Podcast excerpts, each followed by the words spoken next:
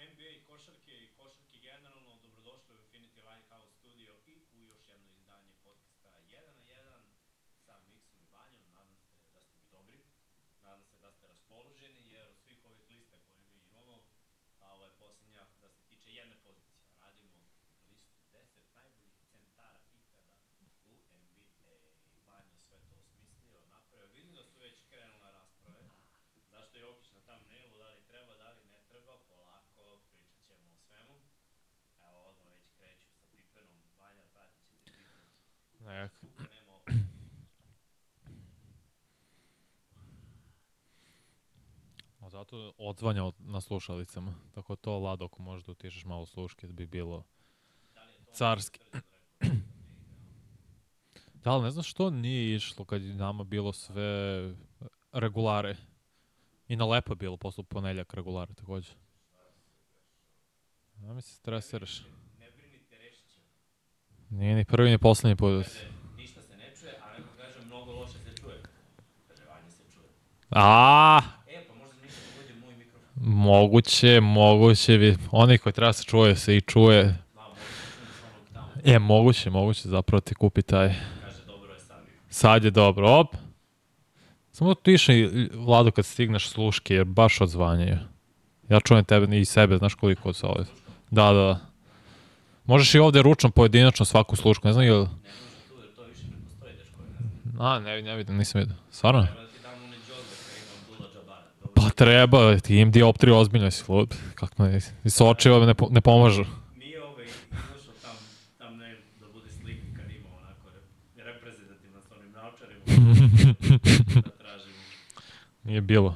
E, ja i ne svata point. E, ali to liči? Pa dobro, liči svakako. Gospodski, pa ni ono baš nije Bill Russell, iskreno. Da, gospodin čovjek, svakako. Keško lica i Lagan, skroz casual lagan. Dobro, znači danas, evo, ako niste čuli, dobrodošli u Infinity Lighthouse Studio i u još jedno izdanje podcasta 1 na 1, gde ćemo raditi listu najboljih centara ikada u NBA, znači top 10, a imamo i malo preko toga, to ćemo kasnije. Znači prvo desetka, upola s lukom, pa posle salatica sa strane. To će Vanja ovaj, da nam objasni zašto je ovaj ovde, a ovaj bi trebao da bude ovamo kako je on to video. Inače već sada, kaže, kreće malo priča o tome da, da je na thumbnailu, da možda ne bi trebalo, mislim, s obzirom da je, Pa i Pippen je bio na thumbnailu, pa nije u top 5, ne razumem. ali da je s naših prostora, možemo malo preko veze, valjda da u, Ne. uramo na thumbnail. Ne može. Mislim, možemo na thumbnail, da, ali ovako ne možeš top 5. A znaš, je bilo najjednostavnije ipak Jokića da stavimo, nego sad stavim Hakima ili Mosesa Melona ili ne znam ja koga sad. Ewinga i tako dalje, tako bliže. Da, kažu, kažu, brate, da sam ja i dalje, Tih, a? nema, nema, A da te nema ili da si tih? pa ono, verovatno, Udari prstima. Evo sad će, dok to vlada radi, nemoj mi se pleteš, molim te, udarite like, udarite subscribe, proverite našu prodavnicu. Nemamo merchandise na sebi, meni se sve stvari peru, ali svakako infinitylighthouse.com cross shop, odlična majica Lab 76 pre svega i naravno Kosmos. I 99 yardi bit će i za 1 na 1 dresovi, potencijalna saradnja sa jednim brendom, vidjet ćemo da ne otkrivam, nisam srđan Erceg da sad odmah sve otkrijem, ali korak po korak, nadam se da ste dobro, mi smo odlično došli sa snimanja Superbola 52, gde sam imao sve manje i manje grešaka, bilo je par uh, žargona koji moram da ispravim.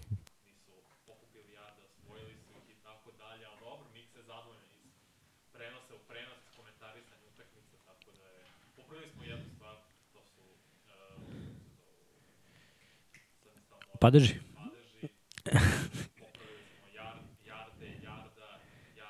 Moram da ti pošaljem za padeži jednu pesmicu. Da se nasmeješ.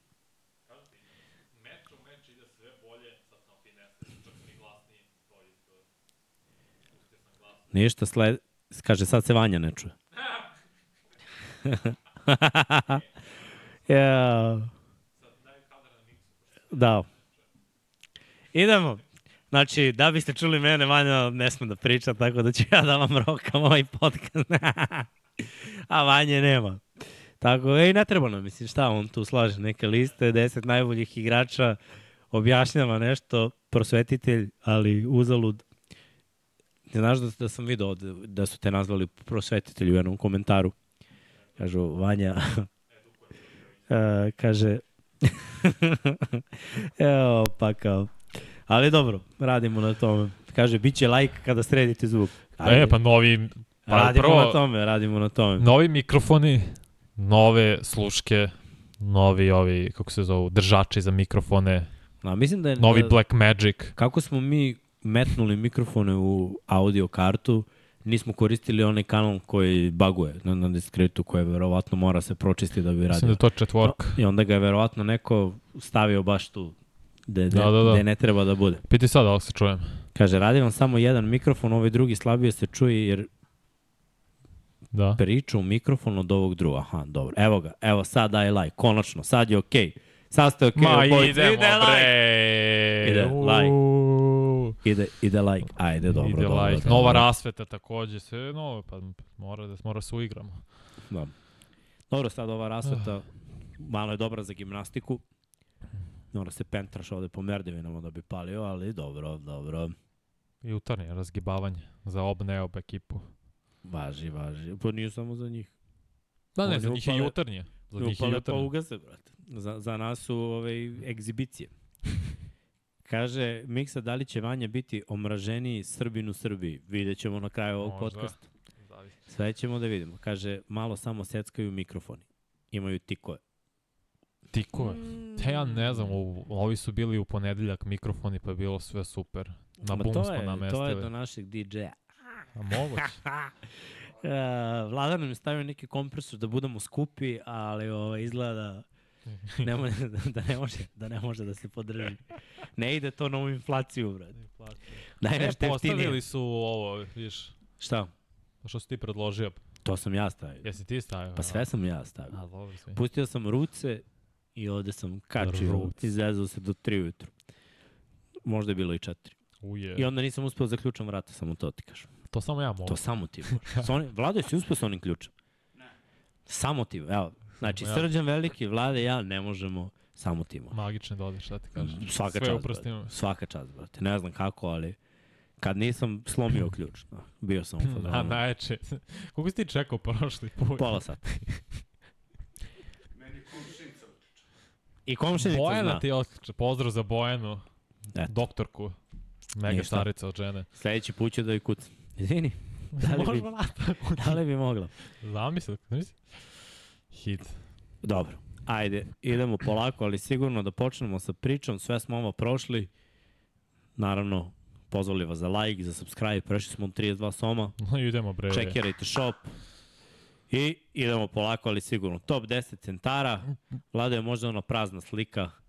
Ako da nema nikog. frka. Nikog nema.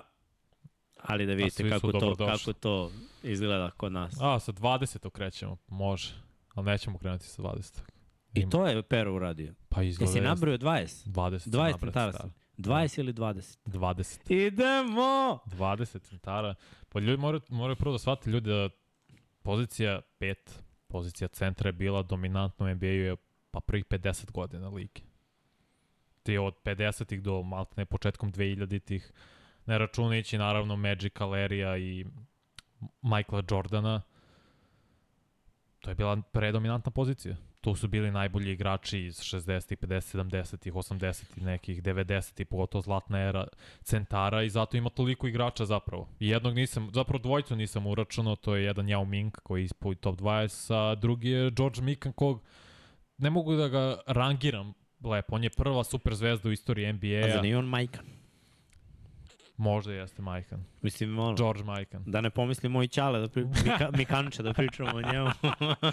upravo si, upravo si. Nisam mogao da rangiram, to je bilo i osvaja titule pre nego što se NBA nazvao, zvao NBA-em i tako dalje, ali svako pionir košarke i prva super zvezda u istoriji NBA, zato nisam ni mogao stvarno pravilno da ga rangiram gde bi ga stavio vratno negde u top 10. Možda bi nekog morao da izbacim, tako da bolje ovako da bude samo spomenut. Ali zaslužuje sve pohvale, ono, za čoveka kažete prva super zvezda u istoriji NBA, to je veliki, veliki uspeh. Da, ovde se već sad kažu Ming nije u 20. Hmm, Nije Yao Ming. Ko zna komu je? A ćemo krenemo od 10 ili od 20? Kako ti kažeš ti odredi? Kako ti hoćeš, Vlado?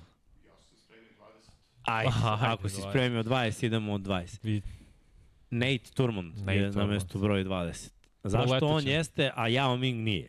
Zato što zbog priča koje su pričali Bill Russell, Will Chamberlain, da je Nate Turman bio centar protiv koga je bilo najteže da igraju, jedan i drugi, stena jedna od čoveka, ozbiljan centar, ako možeš vlada da nađeš posle statistiku njegovu i dostignuće 7 puta čini se da bio All-Star, igrao je dva NBA finala, nije stigao da uzme prste na je prosto na Wilta Chamberlaina, na Billa Russella sa tim Warriorsima, ali je bio stameno prisustvo konstantno, evo ga i pet puta u defanzivnoj petorci. Solidna definicija za one godine, da ti kažem Najjača ja. definicija, mogu ti reći.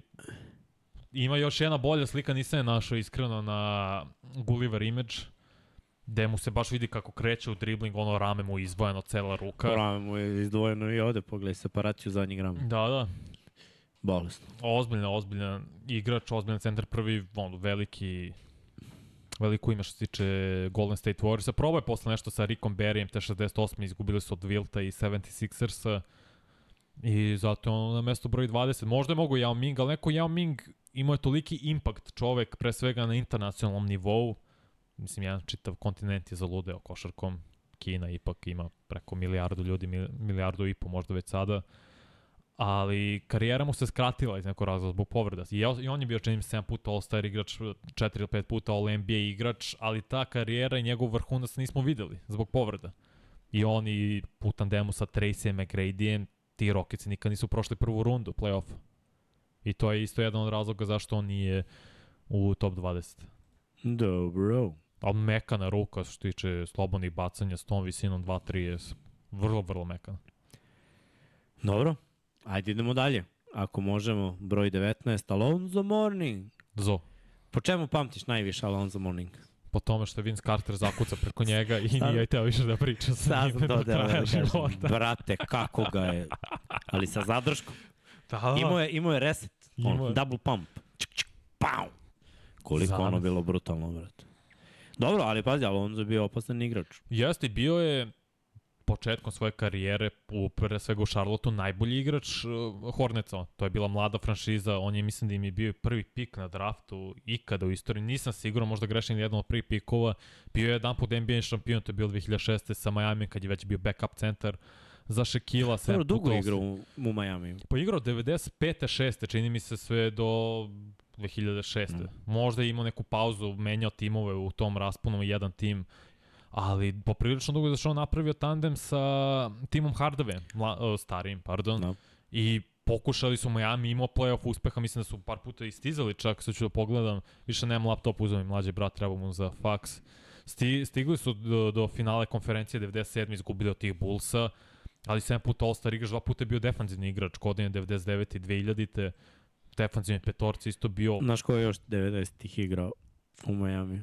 Ko? Jedan s naših prostora. A, Da- Danilović, znam. oh yeah. Znam, oh, yeah. Ali, Kad je dao pazi, 8 trojke na jednom meču. ali se nije ovaj desilo da, da ta ekipa bude malo relevantnija na istoku. Sedam puta je bio All-Star.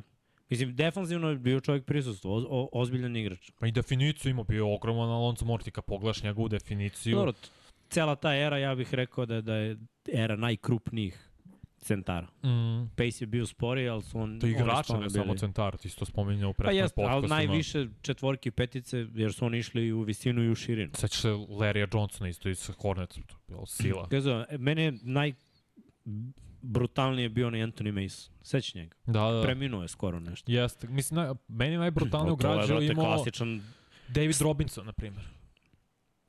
Dobro, ali on je imao definiciju. A da. Mason je klasičan Rottweiler. ali bukvalno ono, tačno mi vrat nema. Ima dva metra, nema vrat. Koliko je realno to, mislim. Ne, je, ali bio, bili su zanimljivi ti ta ekipa Miami Hita tih ono, krajem 90-ih nakon što su uformirali tandem Hardaway i Morning, bili su konkurenti, ali prosto na istoku tada. Često su uh, naleteli na Nixe koji su ih izbacili, imali su Nixi bolji tim, boljeg i centra naravno, u, pa, u Patriku Ewingu, to je bila i tad je bio trener Pat Riley, napravio je dobar tim, konkurentan na istoku, mislim da su par da su jedne godine bili to jest imali najviše pobjeda u istočnoj konferenciji, čini mi se, ali nisu uspeli sve to da sklope, lepo sklope kockice, da dođu do velikog finala pre svega, posle su došli kad je naravno novi tandem bio oformon, o, oformiran, pardon, Oformljen. oformljen, hvala.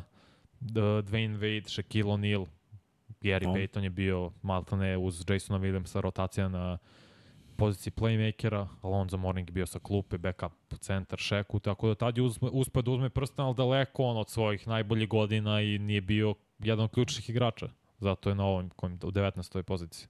To. Dobro. Možemo da idemo dalje. Dali smo Ajde. respekt Alonzu. Znam da ga voliš. Pa brate, ne, ne volim ja, obožavam Bena Ah, Wallace, ali Ben Wallace je isključivo defanzivni igrač. Jeste, ali je to... liko- Ofanzivno od njega smo videli zakucavanje i To je to. Putback. To je zapravo iz ofanzivnog skoka kada pokupi loptu, daje poen. Zato je ovako nisko, ali defanzivno Ben Wallace imao taj zenit njegove karijere od 6 godina, od 2002 do 2007. da je bio prosto najbolji defanzivni Inače- centar i možda igrač u ligi. da uzmemo u obzir da je Ben Wallace prilično nizak za centra, 198 ima. tako da danas sa tom visinom možeš da igraš a možeš da igraš i dvojku i trojku, a on je čovek je igrao centra i to je igrao jako uspešno. Dobro, definicija je bila tu mišići. Kako definicija pogleda? Sve ovaj, raspon ruku, inače meni je bilo zanimljivo što je trenirao malo i s medicinkama. Je jedan put NBA šampion te, sa Detroit Pistonsima kad su pobedili Lakers gde je on bio glavni tu u čuvanju Šeka, mada opet treba reći da, da su imali tri centra plus četvorke koji su tu učestvovali u čuvanju Šekila, dva puta u NBA finalu, četiri puta NBA All-Star, pet puta All-NBA tim, četiri puta defanzivni uh, igrač godine i šest puta All-NBA defanzivni tim. Tako da Ben Wallace ima prsten, osvojio ga je, za razliku od Alonza Morninga, osvojio ga je kao starter i kao vrlo važan igrač, jer da nije bilo njega, verovatno da bi Šek imao lakše partije da bi Lakersi vezali četiri. Ovako se nije desilo, tako da ono, Ajde da vidimo ostatak liste, možda, iako je samo zbog defanzivnog, možda je Bena trebalo dići malo gore samo zbog toga što, što je stvarno bio Pa evo ti ko je iznad njega, Dikembe Mutombo, mislim. Sad, teško izabrati, iskreno, između Bena Valasa i Mutomba, ja sam išao sa njim pre svega zato što je čovek bio možda malo čak bolji defanzivac na kraju krajeva od Bena Valasa. Bolje je svako blokirao šuteve, dva puta učesnik NBA finala, osam puta All-Star igrač, tri puta u All-NBA timu i on je bio četiri puta defanzivni igrač. Brate, kako bi voleo ovu trešu Hawksa. Najjači. Gle, ovo, Devet- ali sve iz najjači, 90-ih. brate. Najjači, jeste. I Memphis, i Grizzlies, i Charlotte su bili Vancouver. baš bezobrazno dobro. Brate, pogledaj koliko je ovo dobro. Jes, I oni prelepo. sad stave ono kao, šta je bre ono? A ne znam šta je, ono ni ne liči Ono nije, nije ni logo. Pogledaj ovo. Ajde, Dikembe, mislim dobro, ako može neko niži neki play da poklone ovo. Dikembe, ovo, Dikembe, ne može staneš to. može staneš. mogu da poletim. Ali ono što je najbolje, njegova najbolja sezona u njegovoj karijeri bila baš sezona, sezona 2001. sa kad je prešao u Philadelphia, tad je bio i drugom timu, u drugoj NBA petorci, bio najbolji defanzivni igrač te godine, zaista je dosta pomogao Sixersima da dođu do NBA finala. I zato mi on malo više, to je zapravo, zato mi on ispred i Morninga i Bena Valasa, jer je više ostvario, direktno učestvovao u uspehu, nije, imao, nije bila titula tada, ostatak tima Philadelphia ti si već to i ustanovio i rekao u prethodnim podcastima kad smo pričali o Alenu Iversonu, nije bio na nivou. Njih dvojica su jedini bili all-star igrači, jedini bili zaista minimalno dobri igrači, konstantni. Ostatak tima je bio loš, ali sve pohvale za Dikembe Mutombo, njegov tim, inače tada Nuggets 93. su izbacili kao osmi seed, prve nosioce, Supersonics predvođenim Garyem Paytonom i Seanom Kempom, tako da je imao i uspeha u play-offu Dikembe Mutombo kao, ako ne nužno najbolji igrač, druga opcija svakako, drugi najvredniji. Dobro, ajde, dva defanzivna igrača tu jedan do drugog sad. Ko je gore, ko je dole, definitivno daleko od top 10, daleko, mislim i od top 15. Da, da. Tako da možemo da idemo dalje. Robert Parrish na mesto broj 16. Zašto je Parrish? Šef. The Chief. Pa pre svega zato što je igrao mnogo, mnogo duže od svih ovih. Mislim, igrao je, ja ne znam koliko, mislim da je on držao jednom momentu rekord za broj odigranih utakmica u istoriji NBA i to što, sve što je postigao i četiri puta je bio NBA šampion, tri puta sa Celticsima, jednom sa Bullsima, 97. učesnik NBA finala, šest puta, devet puta je bio All-Star igrač. Znači da je bio na tom nivou, jako bio svega samo dva puta u All-NBA timu, mada opet skrećem pažnju, većina njegove karijere on je igrao da nije bila treća najbolja petorka treća najbolja petorka je da podsjetim ljude uvedena 89. godine u NBA-u. Možda bi imao još koji izbor više za All NBA tim, ali svakako konstantno je, bilo, tre, konstantno je bio treća opcija u šampionskim timovima, pre svega Celticsa. Jednu čitavu deceniju su on, McHale i Bird obeležili. Dobro, zanimljivo da nije, ni, da nije toliko blizu mesta broj 10. Ajde, idemo polako pa ćemo da vidimo. E sada, pre nego što krenemo dalje, igrači od top 15 pa sve do broj 1 i su kategorije iznad, zato što su oni konstantno u svojim karijerama i kad su osvajali prstene nagrade bili uvek opcija broj 1 ofanzivno i timski kad gledamo sve ukupno. Ova petorica nisu bili. Bio je Alonzo Morning jedan period, ali nije imao skoro nikakvog timskog uspeha, niti individualnog da budu MVP konverzacije i tako dalje. A ovi ostali su ili osvojili MVP nagradu, jednom ili su bili šampioni gde su oni bili najbolji igrači, sami nisu pokupili nagradu za MVP-a NBA finala, tako da postoji baš razlika između uh, igrača od 20. do 16. i 15. nadalje. Hajde, hajde da vidimo. Ljudi pita vlada kako se čujemo, da li, I se da li dobro se čujemo. čujemo. Što ga Ako muči se to. dobro čujemo, Pa čim ne pišu ništa da se da, ne žele, pa vidiš, da. ti idemo dalje. Joel Embiid. Jao, E, iznenadni bol. Plexusa. mora, mora Embiid da bude stvarno na Zašto mora? Zato što je bio MVP lige, Mix. Zato što je bio i u- trenutno je smatran kao top 3 igrač u ligi. A ova petorica pre njega nikad, u jed- nijednom momentu ih nismo smatrali top igračima. Najboljim u samom NBA-u. To je prosto tako. Bio je MVP lige, šest puta All-Star igrač, pet puta All-NBA timu, tri puta bio defanzivni petorci, predvodio ligu poenima dve sezone, to je dosta. Ova petorica pre njega nisu. Vlado, ko može, brate, dve kašičice šećera, čašu vode. Mislim, šta god mi pričamo o Embiidu i kritikovali smo ga dosta, on je stvarno dosta postigao. Šta Kako kažeš? komentar kaže, loše se čujete, razumeo sam da je Vanja rekao im bi. Jeste, zaslužujem bi da budu top 15. Kaže, kao najbolji igrač, nema timskog uspeha u smislu play-offu, nije došao još do finala konferenciji, to naravno zameramo. Treba, do sada je to uspeo makar da dođe do finala konferencije. Nije uspeo, ali bio MVP lige poslednjih dve, tri A godine. brate, isplako je da bude MVP lige.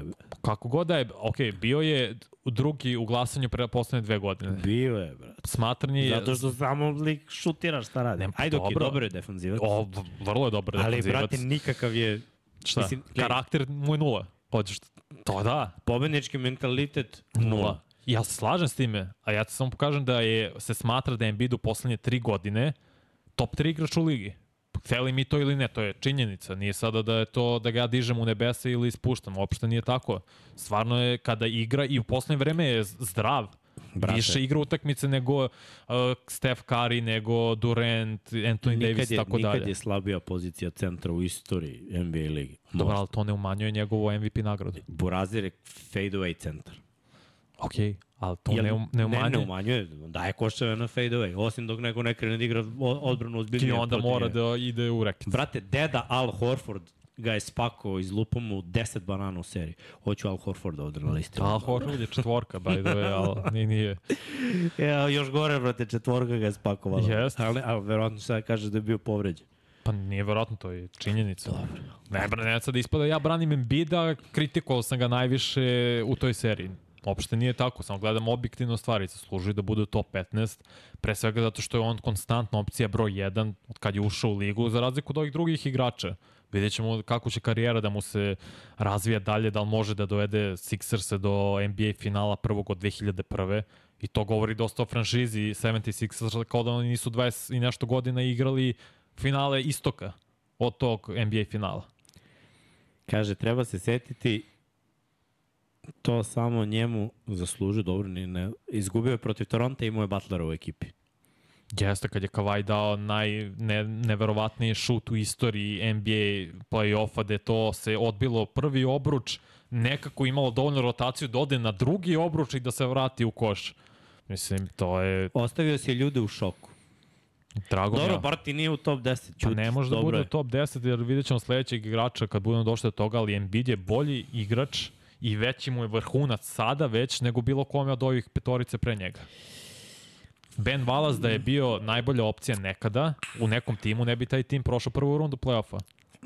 I on nije napravljen, on je Joel čovek... Embiid da ga čuvo Ben Wallace imao bi 12 poena na tekmu. Ne pričamo o tome, to je druga stvar. Znam, brat, nego samo Čovek kažem. od zadatka je Šta Ben Wallace. Sada da se vatamo za... Ok, i Mutombo je bio čovek od zadatka. Ofanzivno nije ništa dopri, doprineo, mnogo manje. Embiid je, nije loš defanzivac, što više vrlo je Ne, ne, dobar dobar je defanzivac. defanzivac.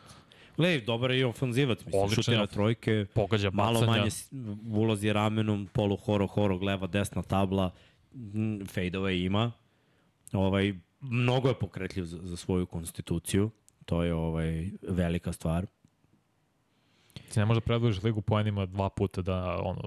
Vanja, si brate, odličan. koliko bacanja šutne po tekmi? Znam koliko šutne, šutne 11 bacanja, ali iznudi ta bacanja. Gledaj, respekt što ih da. I daje Mnogi skoro centri ih nisu- 90%. Mnogi centri nisu davali, opet kažem, ima rupa u njegovoj igri, ali mentalitet mu je takav da nikad neće osvojiti ništa, osim ako mu ekipu ne dođe neko ko će da uradi većinu posla, znači i da mu stavi do znanja da ono ćuti i da igra. Znam, Jer zato- Sad trenutno je on Tako je, zato O. on ne može da bude nikada top 10 sem ako sam ne osvoji i ne, ne predvede tim, to jest ne odvede tim do NBA finala i ne, ne uzme prsten. On ne može da bude top 10 drugačije.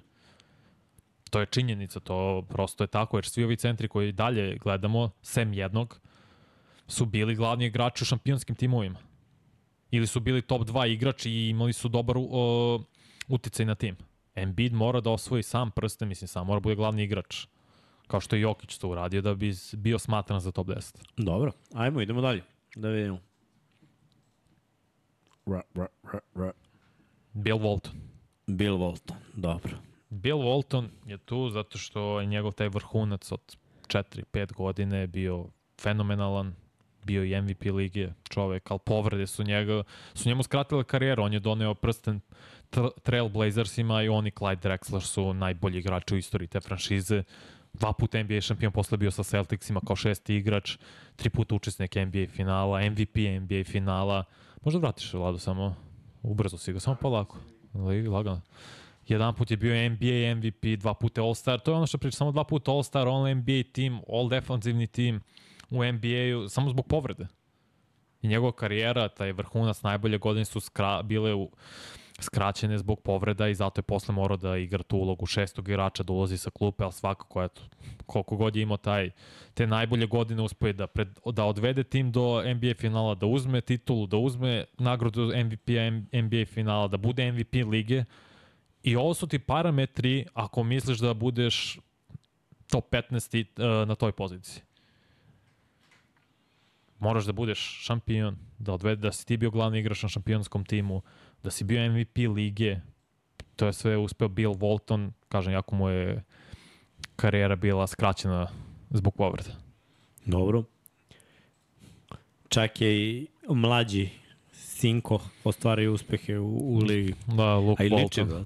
Jeste, jeste. Malo kad se pojavio prvi put i ga zagrenule priče. Dobro, nije kao igrač. Nije ni blizu. ali posle kao trener vidi se da, da, da je on... Solid, solid je coach. Ali Bill Dobro Walton je inače legendarno TV lice, stvarno čovek.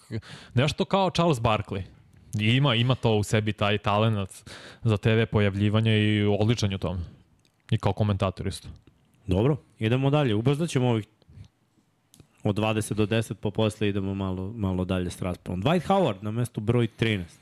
Da, malo sam možda podigao Dwighta Howarda, ali sam morao čovjek, njegov vrhunac. Brate, Dwight Howard radio više nego Joel Embiid. pa jeste, zato je iznad. M, M je, brate, odveo ekipu u finale, Tako je 2009. a bio je, ta, ako gledamo talent, više je- limitiran nego Joel Embiid, šut. Ofanzivno ne da nema, svakako. ne, ne, razumeš, znači, Nema, sve je bilo snaga, postiga. stigne do obruča, razumeš, odradi šta treba, defanzivno ogromno prisustvo. Odličan defanzivac, njegova građa isto fenomen, pokuša da nađem što bolju sliku pogledava rame. Pa dobro, ovo je bilo iz doba kad se jeo Mac. Mac Wendy's i- Burger King. posle, se, posle se steso, ali da, Dwight Howard u, ovom, u ovo doba kad je bio Superman je bio naravno u Orlandu. I opet to što je uradio tamo, što je stigao do... Opet, ja sam pričao mnogima kada su u Bubble igrali protiv uh, Denvera. Denvera da će on čuvati Jokića jer je najpokretljiviji i najbolji defanzivac bolji da, od svega što su imali na poziciji centra. Sećam se baš drugarima, sam pričao, ne, de, Howard, matore, ne može, rekao, Da. brate, ali vidio sam njegov trening, bio sam da je skinuo 10 kila, da se steso, da, da je promenio način ishrane i treninga i svega. Ok, fizikalija i on je u glavi poseban, jer da je malo bio posvećeniji, da je to stesavanje, ishranu, trening doveo u red kad je došao Lakers da igra s Kobijem, bila bi druga priča. Ovako Tako se je. posle i povredio i pritom se vratio nakon ozbiljne povrede leđa što, i ramena, što nije Tako mala je, stvar. on se ranije vratio te sezone 2012. na 13. sa Lakersima, mogo je još malo da pauzira, da se oporavi, imao je operaciju leđa. Inače, u prvih sedam sezona Dwight Howard je popustio samo osam utakmica u NBA. I zaista je bio ono, čelični čovek, Iron Man, jel te? Osam puta All-Star igrač, osam puta All-NBA team, tri puta je bio najbolji defanzivni igrač, bio petorci, najbolji defanzivni petorci pet puta i bio je smatran u tom periodu kao top 3, top 5 igrač. Tih dve, tri godine njegovih najboljih godina u Orlandu. Bez ikakve finese. Nema. Nema fade away, Ma kako? nema levu ruku. Razvio je lepu Nema- levu ruku polu Horok sa Hakimom. Radio, nije to na vrhunskom nivou, ali dovoljno da ubaci Pa, nabaci, češće. Nabaci pa ako uđe da. ušlo je, ali brate, nikakve finese. Znači sve fizičke predispozicije. I opet dovesti ekipu do finala kroz fizičke predispozicije i sve to, to je za veći respekt nego ovaj što ima sav talent, pa ništa. Ja slažem da to je Dwight Howard više na ovoj listi. Pa rekao si da si ga podigur. Ne, u, Meni ne deluje. po, u poređenju sa Billom Voltonom, razmišljam da li Bill Voltona Walton stavim. je, brate, top 50 ono, Tako svih je. vremena, a tebi nije u top 10 centara. Pa nije. Ima kojih ispred. Ajde, će Ima, samo da završeno Dwightu, si njegov highlight i kad vidiš to, to je nešto u taj Yes. Orlando prelepo, kako on lepi ljudi, onog mučenog Drew Holiday, kako je zalepio, pa posle zakucao preko njega, to je neverovatno stvarno. Zverina je bio Dwight u svoje vreme. I opet deo te reprezentacije koje je radila 2008, da, da. Da, Redeem Team. Uh, dobro, ajmo dalje. Ajmo dalje. Wes Unseld. Ne znam ko je Vesels. legenda Buleca, to jest Wizards, čovjek koji je donao njima titulu i samim tim doveo ih je u četiri NBA finala. Napravio je jednu, ne mu kažem dinastiju sa Bulecima, ali bio je NBA šampion, MVP. Njemu je čudan razvoj njegove karijere bilo. Nije on imao, imao je neke povrede, ali nakon što je otišao iz Buleca u Celticsima se nije pronašao, pa se menjao timove, pa da li je bilo svađe s trenerima, ne znam kad sam čitao sve na Wikipediji i na drugim stranama. Čudan razvoj njegove karijere, samo pet puta All-Star igrač, MVP bio lige, MVP NBA finala, odveo, kažem ti, Bulece do četiri NBA finala i bio je šampion sa njima zajedno sa Elvinom Hayesom, on i Hayes su pravili odličan tandem visokih, visokih igrača, naletali su prosto na bolje timove u tom momentu. Sad ću probati da uđem tačno da vidim na koga su naletali, jer nemam laptop i sve te linkove direktno, ali mi dajte sekund. Evo su buleci, ja se izvinjavam. No, dobili su Supersonics-e, izgubili naredne godine od Denisa Johnsona i njih, izgubili su od Golden State Warriorsa predvođenje Rickom Berryem 75. par godina. Znači, u rasponu četiri godine su igrali tri NBA finala. Što je za tu eru, za svaku pohvalu i mislim, on je najbolji igrač u istoriji Wizardsa. Zato mi je na mestu broj 12. Dobro. To što ste pričali, svi ovi igrači su, jako su im, kako vidiš, sličnosti postoje, kratke su im karijere, taj vrhunac im je kratko trajao, ali su za to kratko vreme bili MVP, MVP-evi lige, osvojili titulu, bili najbolji igrači u tim timovima, zato su oni u, oni, da kažem, u top 15, od 15. do 11. Dobro. Ajde, idemo dalje, da vidimo. 11. Dave Cowens. legenda Boston Celticsa, čovjek koji je nasledio u neku ruku Bila Russella, bio s- uspeo da uzme dve NBA titule, bio je MVP lige čovek, takođe dva puta odveo Celticsa i do NBA finala zajedno sa Johnom Havličekom. Evo i slika, izgleda da je bilo popularno tada da nalepniš, da na loptu nalepiš šta si postigao te sezone, pošto evo piše MVP. Dva puta NBA šampion, dva puta učesnik NBA finala, jedan put NBA MVP, osam puta All-Star, tri puta All-NBA tim i tri puta All-NBA defanzivni tim. Znači, Tako je. svuda. svuda, svuda pomalo. Možda sam mogao ga stavim kao desetog, ali možda bi bilo malo subjektivno, pa sam stavio sledeći igrač, ali svako Dave Covins, jedan od najboljih na svojoj poziciji, legenda Celticsa, mislim da mu i broj po- povučen od strane Bostona. Zanimljivo kako je Boston imao tu legendarnu liniju centara. Prvo je bio Bill Russell, pa Dave Covins, pa odmah maltene sledeće godine Robert Parrish. Oni u rasponu od 30 godina su imali tri top 20 cen- centra u ligi. Centara. Centara, pardon. Dobro, ne mogu da kažem da nisu, ali realno gledano toliko su bile institucija u Jesu. ligi da to su oni timovi, znaš, da, da konstantno priliv talenta ide njima. Bez obzira što su uspešni, pa bi čovjek rekao, ok, ići će u neki ovaj slabiji tim, ali brate... Oni su tradovali kad su je otišao Kovins u penziju, tradovali su za Roberta Periša. I onda draftovali Kevina McHale. potez, potez do poteza, sve bezobrazno i, i kako treba. Dobro, ajde da vidimo. Deseti, deseti u top 10. Patrick Ewing. Previše gotivim Ewinga da ga ne stavim u top 10. Zanimljivo da nije najbolji igrač, najbolji centar u istoriji Nixa. Pa, da, M nije u istoriji Nixa, M nije u toj eri. Ali je uvek bio tu konstantan sa Nixima, evo, dva puta je učestvovao u NBA finalu, te 95. kad su izgubili od, ili 94. pardon, kad su izgubili od Houston Rocketsa, 99. kad su izgubili od Sparsa, 11 puta All-Star igrač, 7 puta All-NBA, 3 puta u defanzivnim petorkama, ali čovek koji je držao Nixe relevantnim i zbog koga su Nixi eksplodirali na scenu 90-ih i postali jedan od omiljenih timova ljudi ovde iz regiona. Jer je on igrao četiri puta, to je predvodio Nixe do četiri finala konferencije, takođe on, John Starks, naravno ta čuvena era sa Petom Rileyem kao trenerom početkom 90-ih, tada se igralo grubo, fizikalno, pogotovo protiv Bullsa. Naravno, kogod je bio na istoku nije mogao prosto protiv Chicaga, dok se ovaj nije penzionisao prvi put, pa je otvorio to napravi taj mali, mali prozor gde su Knicks iskoristili, otišli u NBA finale, ali najviše se pamti rivalitet Knicksa i Pacersa. Pa dobro, to 90. jeste jedan rivalitet. Bilo je rivaliteta i sa Chicagom. Jeste. Kako se beše zove onaj igrač Ko? koji je zakucao preko Ewinga sa brojem? A, 33. Scotty. Ne mogu, ne mogu To da je, ja setim. kažem, to je najbolje zakucavanje koje sam ja u životu video. Pre svega zbog onog što se desilo nakon zakucavanja, što je išao preko Ewinga, što je posle išao do Spike Lee, rekao mu je sedi dole, učuci više. Taj ceo segment od zakucavanja i nakon toga mi meni najbolji u istoriji NBA. Čovječe, koliko su se Nixi trudili da sklope ekipu, pa posle Latrell Sprivel i... Čak i Larry Larry Jones Houston, isto da, bio. Pa baš su ono... Tad im i Mar, Mark Jackson je bio play isto, Jeste, brate. on čovjek iz New Yorka Sve su radili, poreklo. ali ništa što se tiče nekog ozbiljnijeg uspeha. Pa da, titula je falila, bio onaj to je bilo, čini mi se, protiv Pacersa kad je Ewing ostao kratak na polaganju zbog povrede, imao je povredu kolena, mogo je da reši da odvede Nixe čini mi se do NBA finala ili do finala konferencije, nisam siguran tačno koje godine je bilo, ostao je kratak na polaganju, pa su onda valjda posle iskupili jer u skraćenoj sezoni su kao osmi nosioc došli nekako do NBA finala, šok je bio za sve, ali naletali su na Davida Robinsona, pre svega na Tima Duncana i tu dalje nije bio prolaz. Ali morao sam pre svega prema Dobro, i on je bio član nacionalnog tima. Dream tima, tako je. Da. Tako da, ajde, to mu ide u prilog. Ako si bio član originalnog Dream tima, onda si verovatno bio top 3 centar Amerikanac u ligi u to vreme.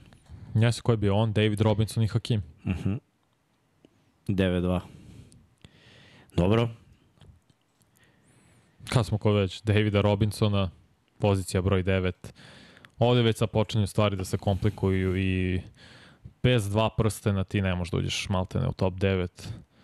Sem jedan, naravno, jedan čovjek je to uspeo, zapravo dvojica kad bolje razmislim, ali svakako dva puta NBA šampion. Zašto je samo na devetom mestu David Robinson pre nego što kad, kad budem, posle ću da pročitam sve ovo ostalo, Zato što je on u NBA finalima vidljivo bio drugi najbolji igrač i sve zavisilo od tima Duncana. Pročito sam njegovu statistiku u NBA finalima, mislim da je beležio 13,5 poena. Kad se sve skupi, što nije dobro, znači da je već tada usporio u igri, da je to dosta zavisilo od Duncana i tima i ostalih igrača, dva puta učesnik NBA finala, MVP NBA, 10 puta All-Star, All-NBA team, defanzivni igrač godine, 8 puta defanzivni petorci, po meni najbolja građa za jednog centra i kada pogledati ovu ruku i rame izdefinisano. David Robinson je stvarno bio institucija. Ono jedina zamerka moja, makar što nije bio najbolji igrač u šampionskim timovima. Kad je bio najbolji igrač Sparsi, su samo jedne godine došli do finala zapada i nisu bili toliko relevantni u, u NBA-u ni na zapadnoj konferenciji sve dok nije došao Tim Duncan. Mm, dobro. 10 All-Star, 10 All-NBA tim, jednom defanzivni igrač godine, 8 puta NBA, All-NBA defanzivni tim. Pazi, poslednji quadruple-double On, ima David Robinson. Da. Znači, to 34, se desilo 10, pre 10, mislim bilo. 94. 30 godina fazu. Ajde, da zaokružimo. Davno. Ok, neko će da kaže napucana statistika. Kako možeš to da napucaš? Da. ne, stvarno pitam, ne, znam kako to. Možeš da napucaš, kao pogotovo centralni. Hakim imao dva u, u mesec dana. 93. Mislim, to bilo u martu, od 2. marta do 28. kada neki faza. Ne znam kako možeš da napucaš da imaš 10 ukradenih ili blokada. Razumem skokove asistencije, ok, ali ovo četvrta kategorija, ta, to je izuzetno, izuzetno teško. Pazi, imao je uspeha. I osvojio je. Sve je ispunio. I član je kuće slavnih, tako da Naravno, zasluženo. možemo da idemo dalje. Nema dileme da je David Robinson da je admiral u top 10. Ne možemo još. Ne možemo, šta kažu ljudi? Daj dupli kadar, Lado, ti da, tražiš to. Hakim nije bio 92. bio ovaj Ovi sa, sa koleđa. koleđa, da. Sa Sa nije. Hakim bio 90. Ne, 96. 96 znam da je bio... Nije bio 92. Stvarno. Da. David Robinson, Patrick Ewing i... Ja sam bio ubeđen Kako da se je zvao Hakim ovaj bio dečko s Duke? Što je došao? Mm, znam ko je... Ta, Sad ću da lupim. I, i Leitner. Leitner, Da. tako nešto, da. da. Christian, Christian Leitner, da. Koliko su njega ljudi mrzeli da su Dobro, povodio onaj brate, na šut. Duke je radio ozbiljan posao. Duke je napravljen Oni i da Grant ih Hill ljudi su bili na Duke. Mm. Ozbiljna, ono, ozbiljan tandem. I prič, sećam se ono iz Fab Five što su ovi pričali. Jalen Rose najviše. Mrzio sam. Da, svi su mrzeli Duke. Granta Hilla, što mu je čale profesionalni sportista i što imaju pare. Mrzio sam. O, Ali to- eto, nisu ih dobili na kraju, imali su šanse. Pa dobro.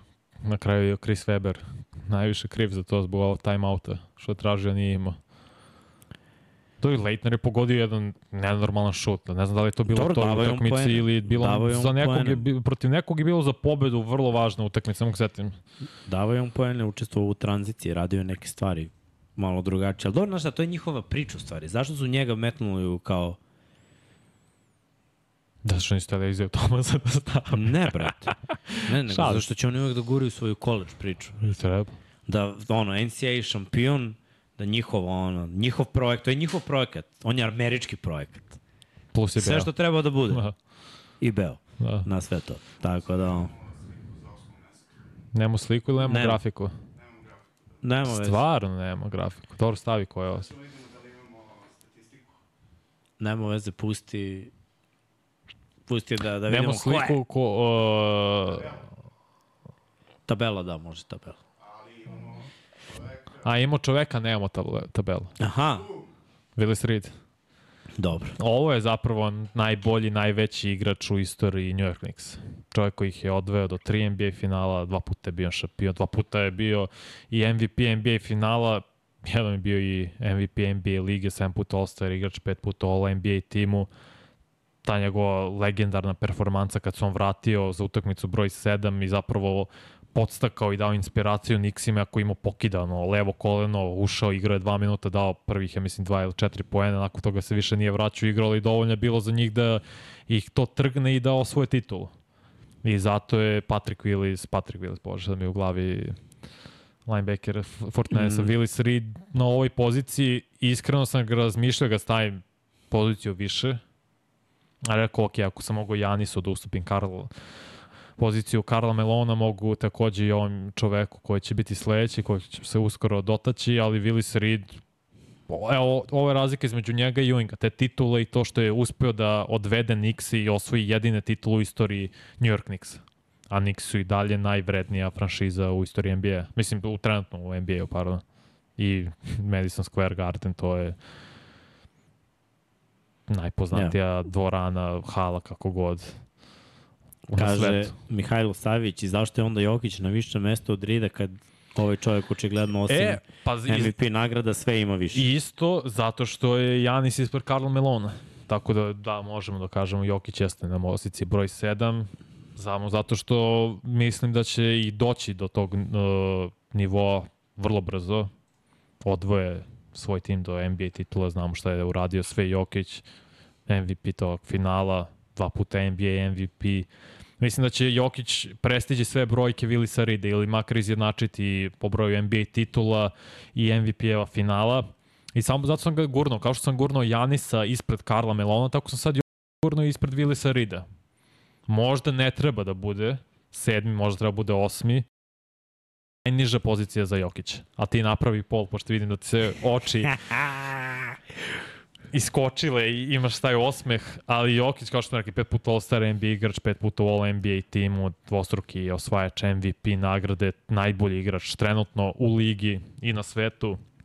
I gurno sam ga, naravno, ne zato što je naš, zato što mislim da te, tu mlađu generaciju, kad gledamo u istoriji NBA, makar mlađu generaciju, treba gurnuti, kao što sam gurnuo Janisa, da bude ispred Melona, gurnuo sam sada i Jokić da bude ispred, ispred Vilisa Rida, da sam ga stavio na osmoj poziciji, mislim da bi bio opšta i debakal i kataklizma u četu i da bi došli ovde na vrata, ali šalim nije bio to utice, nego već mislim stvarno da Jokić zbog svoje igre, uh, način koji je napravio revoluciju u košarci, što vidimo danas, za tu poziciju da je Miltone playmaker, a igra centra, to je prvi put viđeno jedan od najboljih dodavača u istoriji NBA-a i zato sam ga stavio na poziciji broj 7 iznad Willisa Rida koji je neverovatan lider i sjajan centar, najveći igrač u istoriji Nixa i titula u Nixima vredi više da se razumemo nego titula u Nuggetsima. To je isto. O, Pa ček, jest. ček, ček, ček, Kako ček. nije? Pa, Najveća franšiza u koliko istoriji. Nuggets imaju titul? Jednu. Jednu. Ovi imaju dve. Jednu. A, brate, Zbog ti shvataš koja je ono magnituda ove titule koje je on doneo Denveru. Pa mislim da je veća magnituda titula Nixa jer su to New York i Nixi. Da, brate, ali I više nikad nisu zvali. davno je bilo i imali su ih, razumeš? I ovo je sad drugi Pa nisu problem. ih imali dok ovi nije uzeo. Ali Willis znamo Reed. koliko je prošlo od kad je on, koliko 50 je ima, godina. ne ne, koliko ima razmaka između Jokićeve i Ridove. Pa 50 godina. 50 godina. Znači, brate, 73. čini se Nixi poslednji uzeo. Tebrano. Verujem ja, sad si počeo da pratiš NFL sve više i više. Više će da vredi svako, više filina protiv New Englanda vredi, Nego? razumeš, nego ono peta, druga, treća ili bilo kome. Brate, to je ono prva u istoriji, to je ono Ne, grad, ne, ne, ja kažem, ne, ne kažem da druga Nixa vredi više od prve Nagice, nego te dve vrede mnogo više, ne zato što je dve, nego zato što su on Nixi u pitanju, nego jedna od Nagice. Pusti to, ovo su ovi, ovo su oni. Mora se uzme, svaka franšiza treba da ima jednu titulu. Tako je njihov sistem napravljen. Nije to kod nas, pa vladaju Da, da, ono, dvoje, troje, a ovi ostali posljednje rupe nasvirali. Nego kod njih je napravljen sistem tako da, brate, u 50 godina mora se desi neka promena i ovaj najgori mora da postane najbolji. I stvarno se često dešava. Tako da ovo što su uradili, znaš, Denver da dođe do prve i dalje ima dosta franšiza koji još nemaju titulu. To je ovaj nepojemno. Znaš šta sam pitao kao ovaj, pitanje? Da. Ovaj, da igra za repku, da li bi bilo okej okay što je u top 7? za sada je da, da 54%, ne 46%. Ovo vidjet ćemo kako se, kako se to... Mislim da sad postoji ovaj... I vidim ovaj da, da neki kažu da treba, većinom su ljudi u fazonu da ne treba. Uh, jeste, imamo tu sad ovaj 2K rating da je on 98 najbolje ocenjen Tako igrač je. u čitavoj ligi i svi smatraju sada da je trenutno najbolji igrač u ligi i vidim da ga ovaj svi stvarno dižu na pijedastal iznad drugih igrača što je Zasluženo. što je okej, okay, jeste zasluženo. Sad kad govorimo o ovome svih vremena, ja verujem da, da ovde u isto vreme postoji jedno ono divljenje u, u smeru Nikola Jokića, ono kao wow, likida, sve je super, ali isto postoji neka netrpeljivost zbog ovoga sve što se izdešavalo, ovo je već četvrti put vezano za reprezentaciju. Jer je bilo ono, hoće, neće, pa ugovor, pa ovo, pa drugi, pa treći. On igrao je odigrao poslednje- jednu olimpijadu i evropsku. To je Nije ono igrao je gde- više. Šta je odigrao? Igrao prošle godine Evropsko. Kvalifikacije. Ne, Ne, evropsko. evropsko To je- igrao. Ko je još evropsko igrao? Nijedno. Ja mislim da je igrao i 2004 period od 15. 16. igrao je oba prvenstva. Ja mislim i svetsku i olimpijski, je li tako? O, 16. je bilo olimpijada. Inače imamo gosta u studiju, izvini, molim što te ranije nismo spomenuli. Olimpijadu igrao 16. 19. svetsko, ok, i evropsko. Dobro, odigrao je, ok, Tri, od koliko? od kog, pod 16. nadalje. Bilo je samo Svake evropsko. godine je nešto. Ne, nije. Evropsko je bilo 17. 18. nije bilo ništa. 20. nisu bile olimpijske igre. 21. su bile, mi se nismo kvalifikovali, znači on je propustio malte ne jedno prvenstvo. Ja kažemo 2015. isto da je to, pošto je bio u u Megi, da je i to propustio. Propustio je dva, odigrao je tri i sad će propustiti treće. Znači polovično. Mi se nismo kvalifikovali na olimpijskim igrama u, u Tokiju, igro bi, verujem, i tu, da jesmo, ali ispali smo indijanci, ispali smo od Italije u kvalifikacijama za to i, i dobili su nas i juče italijani, Pitali su nas, to ćemo posle. Hoćemo. Pitanja vezano za reprezentaciju. Hoćemo, imamo dosta toga, kažem, ali ne, ne zameram Jokiću. Volio bi da igrao, naravno, više nego bilo šta treba da igra. Ja sam odušljen kako, na primjer, Dončić igra za Sloveniju i kako dobro izgleda na terenu. Smršao je 5-6 kila, vidi se i drugačija ishrana ovde u Evropi nego u Americi, to je sigurno tako. Igra, izgleda dobro, izgleda srećno dok igra za reprezentaciju. Mada, Slovenija je podredila svoju reprezentaciju Dončiću, a mi to nikad nećemo raditi jednom igraču. Jer je uvek trener mora bude taj glavni. A to je se davno je prošlo to vreme. I zato sam ja rekao prošle godine da mi se ne sviđa što je Pešić glavni trener, ne zbog Pešića su on čovjek ostvario to što je stvari i vrhunski je stručnjak, ali nije vrhunski stručnjak u 70 nekoj godine. Evo, kaže, nije igrao pred olimpijski turnir, zato se nismo Pa ne može da igra pred olimpijski turnir. I da ima Odakle vam to? 3 od 7. Nije mogu da igra pred olimpijski turnir. Zašto ne mogu da igra? NBA je obavez. Koliko ja znam, ne, ne dobiješ restrikciju od NBA. Kad je bio olimpijski turnir? Koliko, ako mi, ako... Ja mislim da restrikcija od NBA ide samo da šta god da igraš mora da bude u 30 dana. Pripreme Od- i takmiče. Da, ali nisam siguran da je to bilo 30 dana. Možda grešim, ne znam, stvarno se ne sjećam šta je bilo pre dve godine. Nije da mora da prođe od kraja sezone 30 dana, nego ako igraš, ako ideš da igraš, možda bude sutra. Ali ne može da bude duže, ne može da igraš, razumeš? Aha, misliš što? Ok, Ne možda budeš na pripremama tri nedelje pa da igraš još tri nedelje. Ne, Da, da, imaš jasno, ono, jasno. određeni period koliko možeš. To je... Ni, nisam siguran da sam upravo, ali znam da je tako nešto otprilike bilo. Jer mnogi igrači su odmah posle igraju finale, bre, pa Pa znam, mislim, Španci. Gasol prvi, Parker, Novicki, takođe su uvijek igrali za svoju reprezentaciju. Ali svakako, Dobro, zašto je u broju 7 ispred svih ovih zato što je mesto? to odveo svoj tim do NBA titula, najbolji igrač, zato što se smatra za Zato što je najboljim treba, igračem. trebalo da bude trostruki MVP. ok, možeš to da uzmeš u obzir, mislim, nije bio, nije se desilo, ali se smatra za najboljim igračem u ligi ili je top 3 igračem poslednje 3 godine. I to isto ulazi definitivno u obzir, ti si rekao prva titula istoriji Nuggetsa, To je vrlo dosta, vrlo, vrlo važno. A imali su ozbiljne timove, imali su ozbiljne zvezde, imali su Hall of. Fame igrače. Jesu. I nisu stigli do, ono, Stigli su do finala konferencija de- nisu stigli u 2009. veliko finale. Nisu nikad. 2009 je to bilo protiv Lakersa izgubili sa Karamelom i Iversonom. I zato dajem na značaj ovoj tituli Nikoli Jokiću i njegovoj poziciji na mojoj listi. Pričali smo ovo je jedna od najimpresivnijih titula u skorijem sećanju. Ja bi je stavio možda samo ispod Kavajeve i titule Dirka Novickog 2011. Ali da znači jedna titula, znači jer da nema titulu Jokić, ne bi bio top 10. Možda bi bio iznad Dwighta Howarda samo. Znači pozicija 13.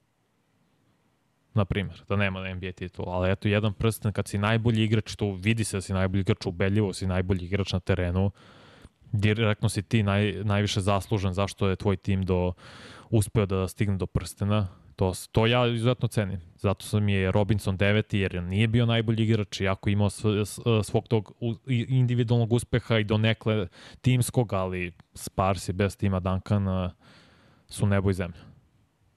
Dobro. Ajde ako gledamo neki arsenal oružja, najkompletniji ofenzivni igrač od svih ovih koji smo prošli na listi. Da. Sada, pa do, ljudi moraju budu svesni. 40% za 3. Tako je. Prethodna sezona, ajde da kažemo da inače iznad 30 nisu se pre ni šutirale trojke. Pa da, ali uče... Levi horog, levi poluhorog, desni horog, desni poluhorog, levi floater, desni floater, Odličan rad tabla, nogu kao rad balerina. Nogu, pivot, mislim imamo od koga da uči sve, ali zaista neke stvari, visok procenat realizacije slobodnih bacanja, Tako je. najbolji asistent od svih na ovoj listi. Ma najbolje ste su na poziciji centra ikada. Zaista, i to mislim iskreno ikada. Ali ono što sam teo da kažem, uvek će nova generacija i novi igrači uvek će biti sve veštiji i veštiji. Zato kažem, postoji razlika između najbolji igrač, najveštiji i najveći igrač.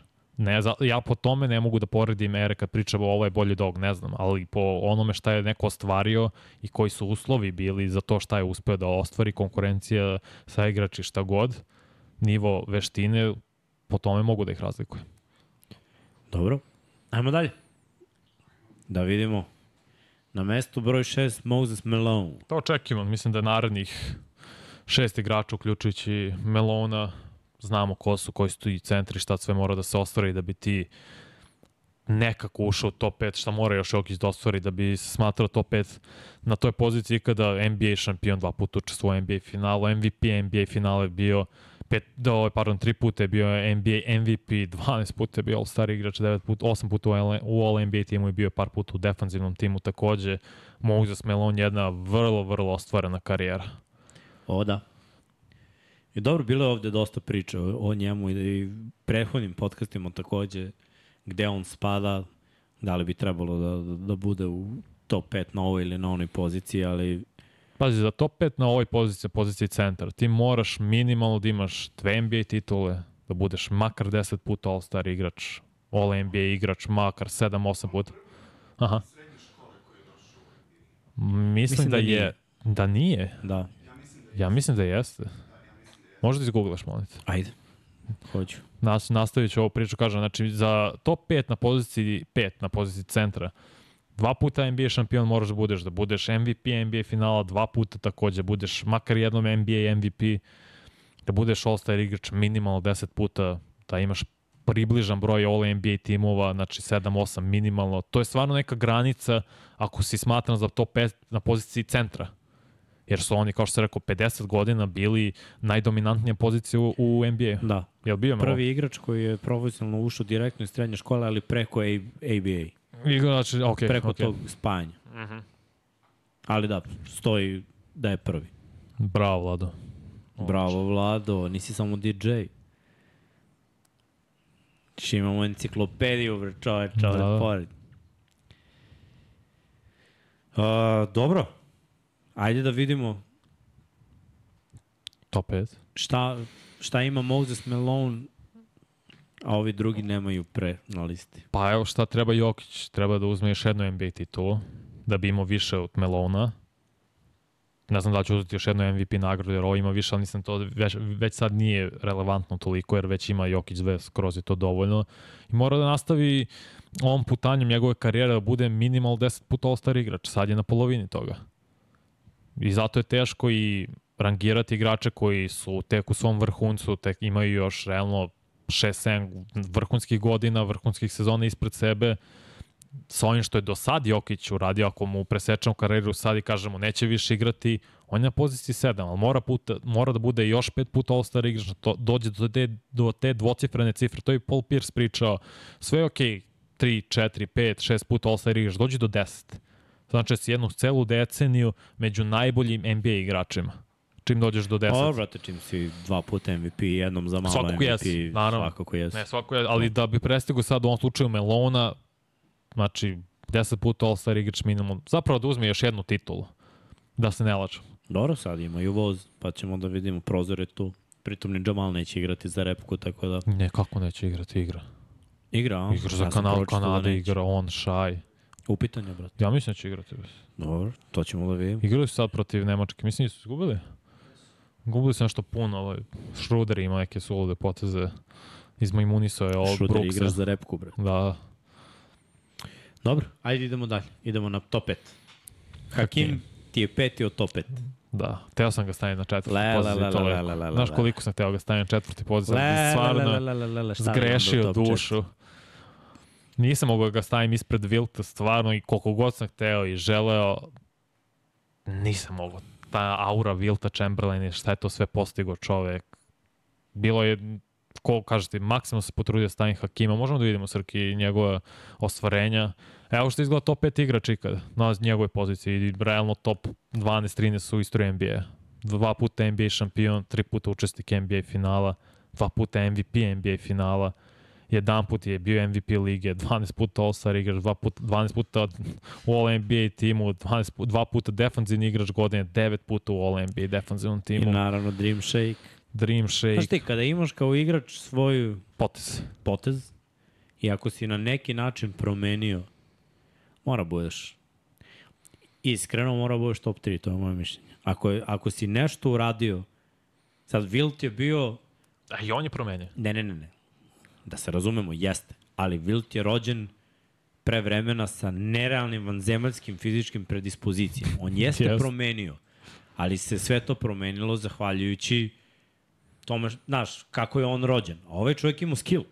Znači, on, njegov skill je promenio. On nije promenio skill, nego Pa uz. Jokića najveštiji, rekao bih, centar u istoriji NBA. Ali ako si, ono, mislim, ne znam, meni je to za top 3.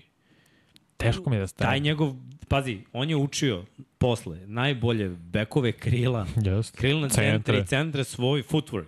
Tako je Ko rad nogu. drugi je to radio? Nije niko. Uzmi i Jokića i čak i njegove ove neke poteze, okrete i sve to. Razumeš? O, to Bryant je samo posle spoj. učio ovu mlađu generaciju. Noge na konto postavke Hakima, pa se okreneš na dirku fade away. Pa Da. najbolji potez, to ti isto nikad nećeš zaboraviti, kad je digao Davida Robinsona na finto šuta, finta, iskorak ka obruču. Brate, strpljivo, tablu. lepo, ne znam. Meni je to jedan od najlepših za oko centara ikada. Ka, kako je on igrao? Jer nije, znaš, opet nije Pogledaj- bio previše visok. defanzivno, izviniš da prekidam. Nije bio previše visok, nije bio previše Mhm. jak. Odbrambeno je radio posao, to je ono što uvijek pričamo, želja i dobar tajming. Tajming mu je bio savršen za sve.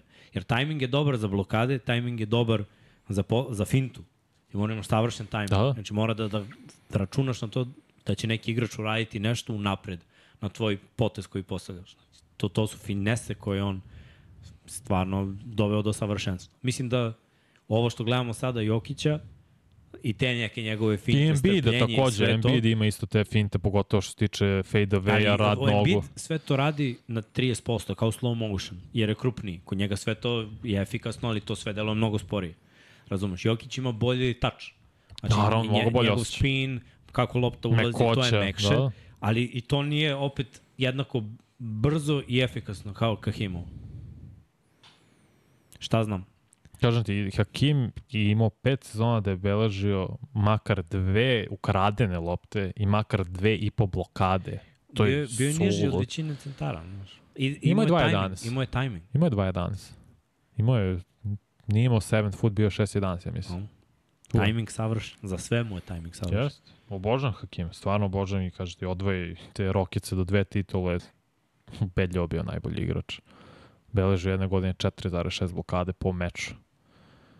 On je možda najbolji defanzivni centar ikada. Kako, brate, nije u top 3? Pa za sad živiš ko je od sledeće je Wilt. Pa Pošto dobro. poredimo njih, zato ti ka, ja volim više Ajde, Hakima. pusti Wilt. I Ajde. oni i Jokić su meni dva uz Šeka koji je pozicija broj 3, dva najveštija centra ikada. Šek je imao veštinu. Pogotovo u mlađim danima. Sa tom, ne, ovo se hvataš za srce. Donesi mu vodu. Ali, Slatko. A- Ajde, čekaj, doći ćemo do šek. Ček, nemoj. Mnogo će mi biti. Wilt. čitaj. Dva puta NBA šampion, šest puta učesnik NBA finala, jednom MVP finala, četiri puta MVP, 13 puta All-Star, 10 puta All-NBA team, dva puta All-NBA defensivni tim. E sada, defanzivne petorke su kasnije isto krenule. Znam, nije to uopšte sporno. I šta god da je u ovoj eri on bio, mogo je svake godine da bude najbolji strelac, najbolji bloker. Prvo, silazna putanja nije uvedena. Znači, brate, Burazar sa tom visinom, ja dođem, šutnom, lopta krenu, koš, on Blokade je su skine sa uvedene obruča. tek 74. ukradene lopte. Znam, nego hoću da ti kažem zašto je bio, uh, mi govorimo o dominaciji.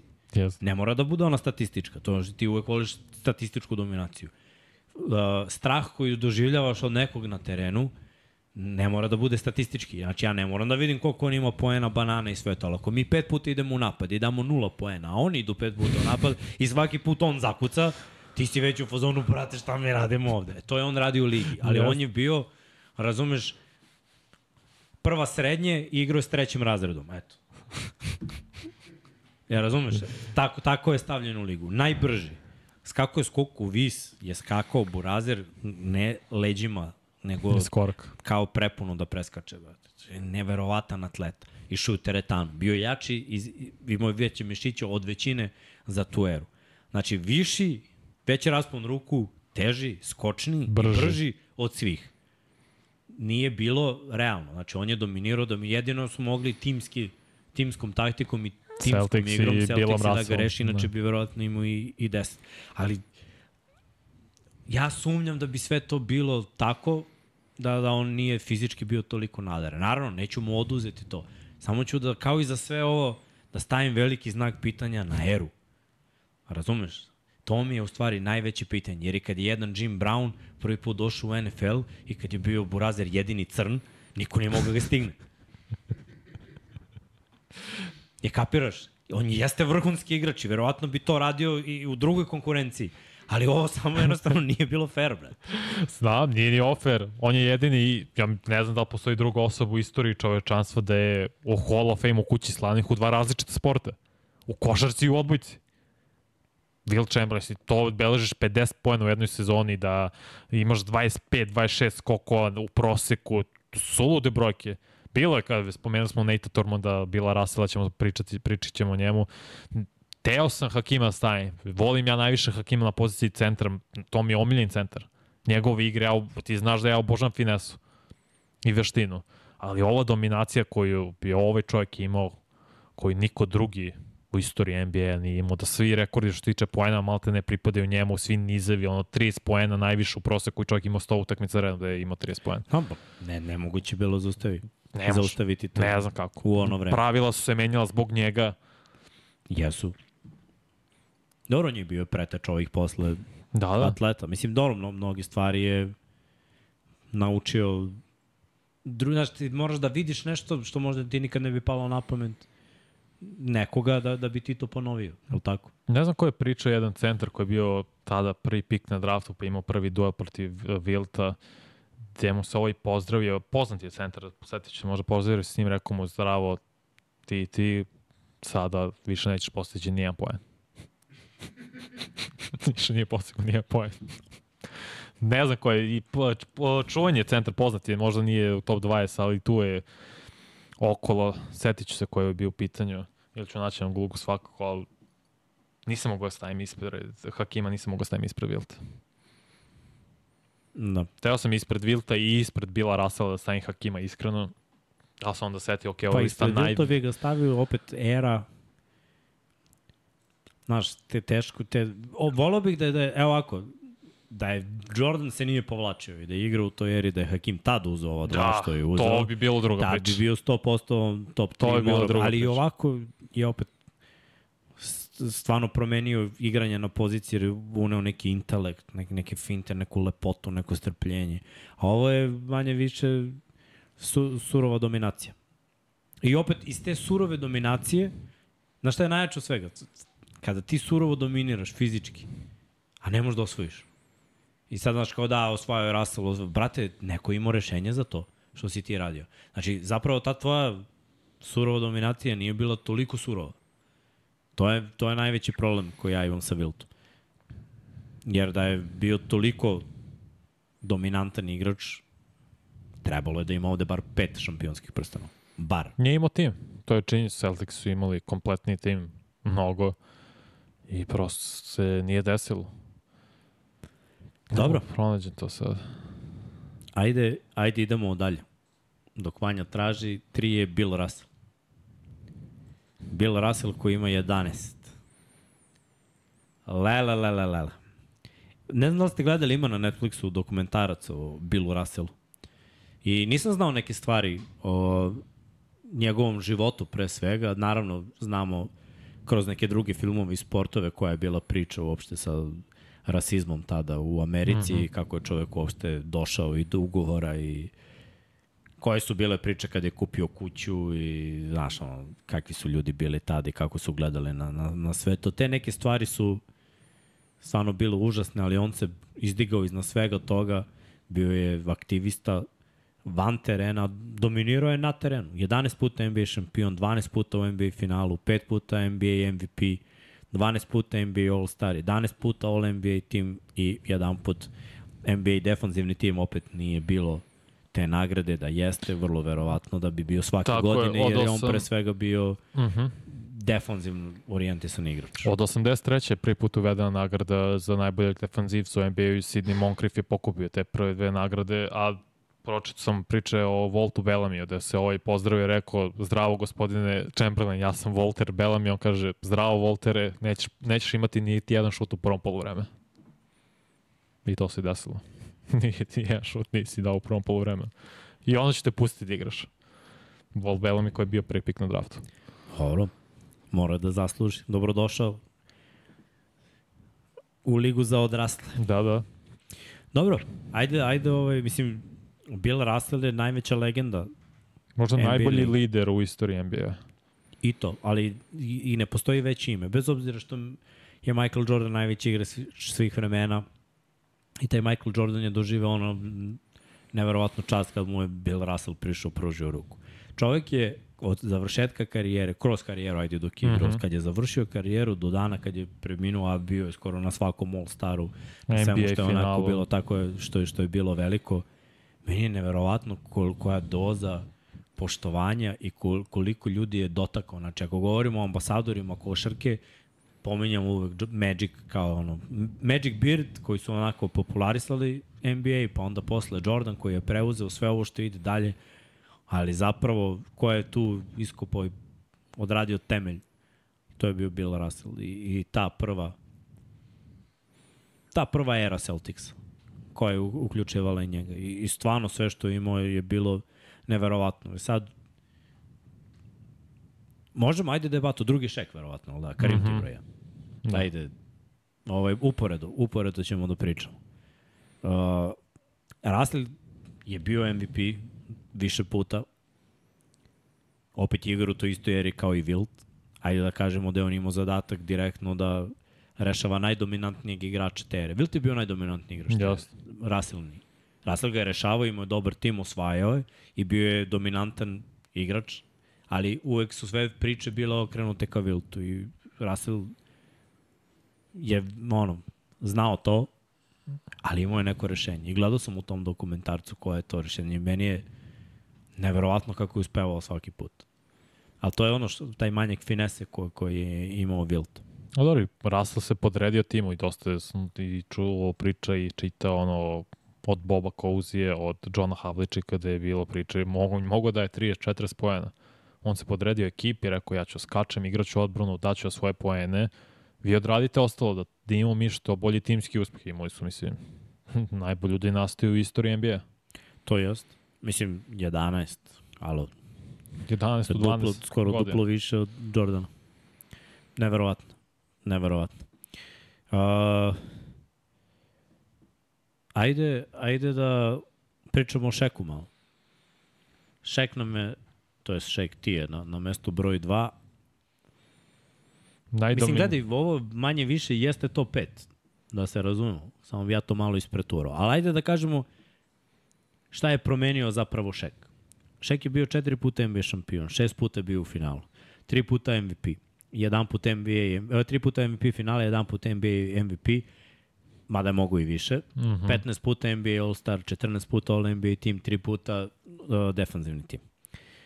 Prvo, ekipe su od 2000. do 2005. na rosteru imale četiri centra. Tako je. Samo jedan razlog zbog toga. Shaquille O'Neal. Znači, na neki način je menjao kako se sklapa roster. Ti si imao centre, to, to je pričao Richard Jefferson, koji je tada bio u... Necima. Ne, tako je. Pa znaš da došao mu Tombo... Tad je bilo, to je bila cela priča, ja se sećam da i Krstić ovdje kada je bio mm. kod, ja, kod Mileta, priča o tome. Znači, tad su se dovodili ljudi, Mutombo je došao u filu, zato što ako prođemo istok, verovatno idemo na šek. Znači, trebaju nam tela. Ajde, kao Mutombo je tu defensivno. Gledaj Pistonsi. Oni su imali tri centra i draftovali su centar, Miličića. Tako je. Sve ekipe su gledale na to, pazi, ovi su imali, šta su imali, neci, imali su Collinsa, pa su draftovali... Collins, Mutombo je bio, Kenyon Martin je četvorka. Brate, bilo je to, sve ekipe su gledale da se pune na centrima da bi zaustavili Šeka i opet je bilo jako teško zaustaviti ga. Znači, Heka Šek napraviti faul da on šutira bacanja su zabranili. Još jednom se menjala košarka zbog Šeka. Pritom, Jedino koji ima uspeh, izvinite što prekidam, su imali Sparsi zbog Duncana i a Robinsona. to je bilo rivalstvo realno gledano na Nije, nisu oni zaustavljali Šeka. Oni Ne, su, oni su ga usporili i ti kad pogledaš... Njihove tekme su bile 7 tekme, mislim, serije. Nije bila serija kao oni su sporili Šeka i dobili 4-1 Ne, i ne, bilo ne, lagano. Ne, ne, nego je bilo Opet su poslednji gubili. napad i ko će da koš. Aha. Tako da ono, manje više. Sad imamo ovde, Bullsi su se igrali sa Šekom i Kobijom. Da, kad su ovi bili, Klinci. mislim, ajde, Šek ne toliko jer je ranije ušao u ligu. Je Dobro, bio a dete. čekaj, čekaj. A, izvini, ti, taj Orlando izbacio Bulls 95. iz play-offa. Kad se vratio Jordan i sve, i otišli su u finale. Mladi Šek i mladi Šek je Penny. bio jako pokretljiv kada je nabacio masu i kada je postao strvina, bio je nezaustavljiv. Znači ti si mogao da ga usporiš, nisi mogao da ga zaustaviš. Imao je respektabilne brojke za jedan sport pace koji si igrao tada. Da, da. Mogao je i tekako da odradi, footwork mu je bio odličan. Mogao je da se okrene i da zakuca odakle. Pazi, on je čak, mislim, on je pričao, ajde, on voli malo da se hvale, ali drugi su pričali da je, da je bio u fazonu u pojedinim situacijama da ne igra previše fizički. Da ono, osim ako ga iznerviraš, ako ne igraš ti fizički jako protiv njega, da on neće da te demolira nego da je u fazonu malo da ti izgure i da zakuca, ali brate, lik je lomio table, lomio konstrukciju, koš je promenjen zbog njega. Ume da po, ba, povuče kontranapad, on sad svojih 150-60 kila. Je, zamisli to po, vidiš na terenu, ono kreće čovjek sa 2-15-160 kila kao vuče kontru, što se skloni ništa više. Ne znam. Najdominantniji igrač u savremenoj eri košarke je Shaquille O'Neal. Jeste. Zato mi je na mestu broj 2. Ali čekaj, da li je najdominantniji zbog fizičkih predispozicija Dobro, ili? Ili, ili zbog čega drugog? ili je imao i neku finesu, ne, neki skill koji drugi nisu imali? Pa ne imao... gledaj, on je, njemu je Bog dao isto koji Viltu. Drugačije, jer je Wilt bio ipak vretenasti, drugačiji tip mm Mhm. -hmm. građe, šeke, klasična strvina. Ali opet, imao finesu koja se razlikovala od drugih, ali imao dovoljno finese sa tom konstitucijom da to izgleda malo drugačije. Nije bilo samo sirova snaga u glavu, iako je to 85% bilo, ali imao je i finese i dovoljno veštine. Kažete, ako možeš sa tom visinom, kilažom, konstitucijom, povučeš kontru, je to izgleda dobro, da nije to ono da si trapov ni bilo što nego, stvarno izgleda dobro i posle da proslediš lepo loptu Bryantu ili kome god da zakucaju, mislim, to treba veština. Nije to slučajno. Imao je donekle veštinu Šek, zato je kažem, nije imao, nije ono finesa ala Hakima, ali nije da nije imao veštine. I kad je bilo bitno, pa vidio se naš onaj snimak jedan na jedan duel protiv Jordana na All-Staru. Kako može onaj čovjek sa onom konstitucijom radi lagano promenu kroz noge, uradi rolling, mm. -hmm. uradi fintu rollinga, izbaci Jordana, uradi fadeova i pogodi. jednom rukom. To je stvarno ozbiljna, ozbiljna veština. Dobro. Šek je imao ozbiljan skill, unapredio svoje šutiranje slobodnih bacanja, čak i kao mator van Lakersa uspeo da ode u Miami i, i da osvoji.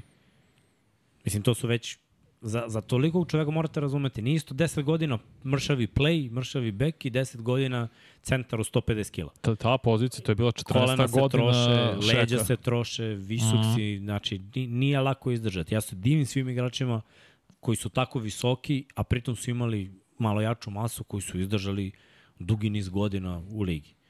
A da kažemo da je Šek bio praj, ono, od kad je ušao u ligu, do 14 momenta kad je osvojio 15. četiri, Mhm. prošlo je više od 10 godina da je on igrao na Da kažete, visokom ovo je nivou. bila 14. sezona 2006. 92. je bio draftovan kao pik broj 1. To je 14. sezona završena. 14. sezona sa Miami i četvrta titula.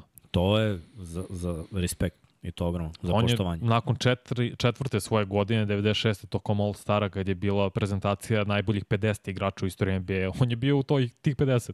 Nakon svoje četvrte godine. Ti je dovoljan pokazatelj No. količine Pritom, igrača. kao čoveka ga mnogo cenim te neke Isto. stvari, humanitarne koje on radi. Da. Da. Znaš, ono, da uđe u prodavnicu, vidi nekog klinca i ono, kao šta ti treba, reci tamo roditeljima, ja ću da platim i to konstantno i humanitarno. Pa i lik koji je odustao od svog ugovora sponzorskog, jer je video koja je cena ribog patika, njegovih, I Napravio onda svoje. je napravio patike koji će se prodaju ono u Walmartu koje svaki klinac može da priušti. Pazi, ti da iskoristiš svoju platformu, da odariš tako nešto da bi neko mogao kupi patike ono za 20 dolara. Treba biti faca, brat. Mm. On, je, on je velika faca. Ako gledamo to... Da, pritom da, Ozbiljno diže. Shaq Diesel, brate, Imao i rap album čovjek. nije jedan, imao je dva. I ovaj, I glumac si kidalica, bio. Kidalica je, sad je analitičar, radi emisije na TNT-u, mislim, ozbiljna ekipa, oni Barkley u spoju su pišu, brate. Su prejako, brate, prejako. Ali ja kažem, poštojem ga mnogo kao čoveka za sve, za sve što je uradio i kao biznismen, šta je sve uradio, uh, koliko je imao vizija za neke stvari, mislim da je jako dobar čovek. A kao igrač mislim da je bio jako dominantan. Ali je Hakim bolji centar. Jer ima bolji skill. Šek je više Vešti je centar. Vešti, buk, ok, slažemo se, bolji vešti, ali Gledaj. nije veći. Hakim je igrao u jedno vreme protiv Šeka. Jeste, kad je ovaj bio... Nebitno. Hoću samo da ti kažem da, da ono, skill je iznad fizičkih predispozicija. Uvek. Uvek će biti tako. Ok, Skill ja je uvek slažem se. E, zbog toga, jer opet ti govoriš najbolje, najveći. Nigde ne piše najveštiji. Znači, Znam. Ja ti Razumeš? kažem najbolji, najvešti i ista stvar meni. nije isto. To je meni Nije isto. isto. Jer gledaj, skill je jedna stvar. Ok, Skill te ne, ne čini najboljim.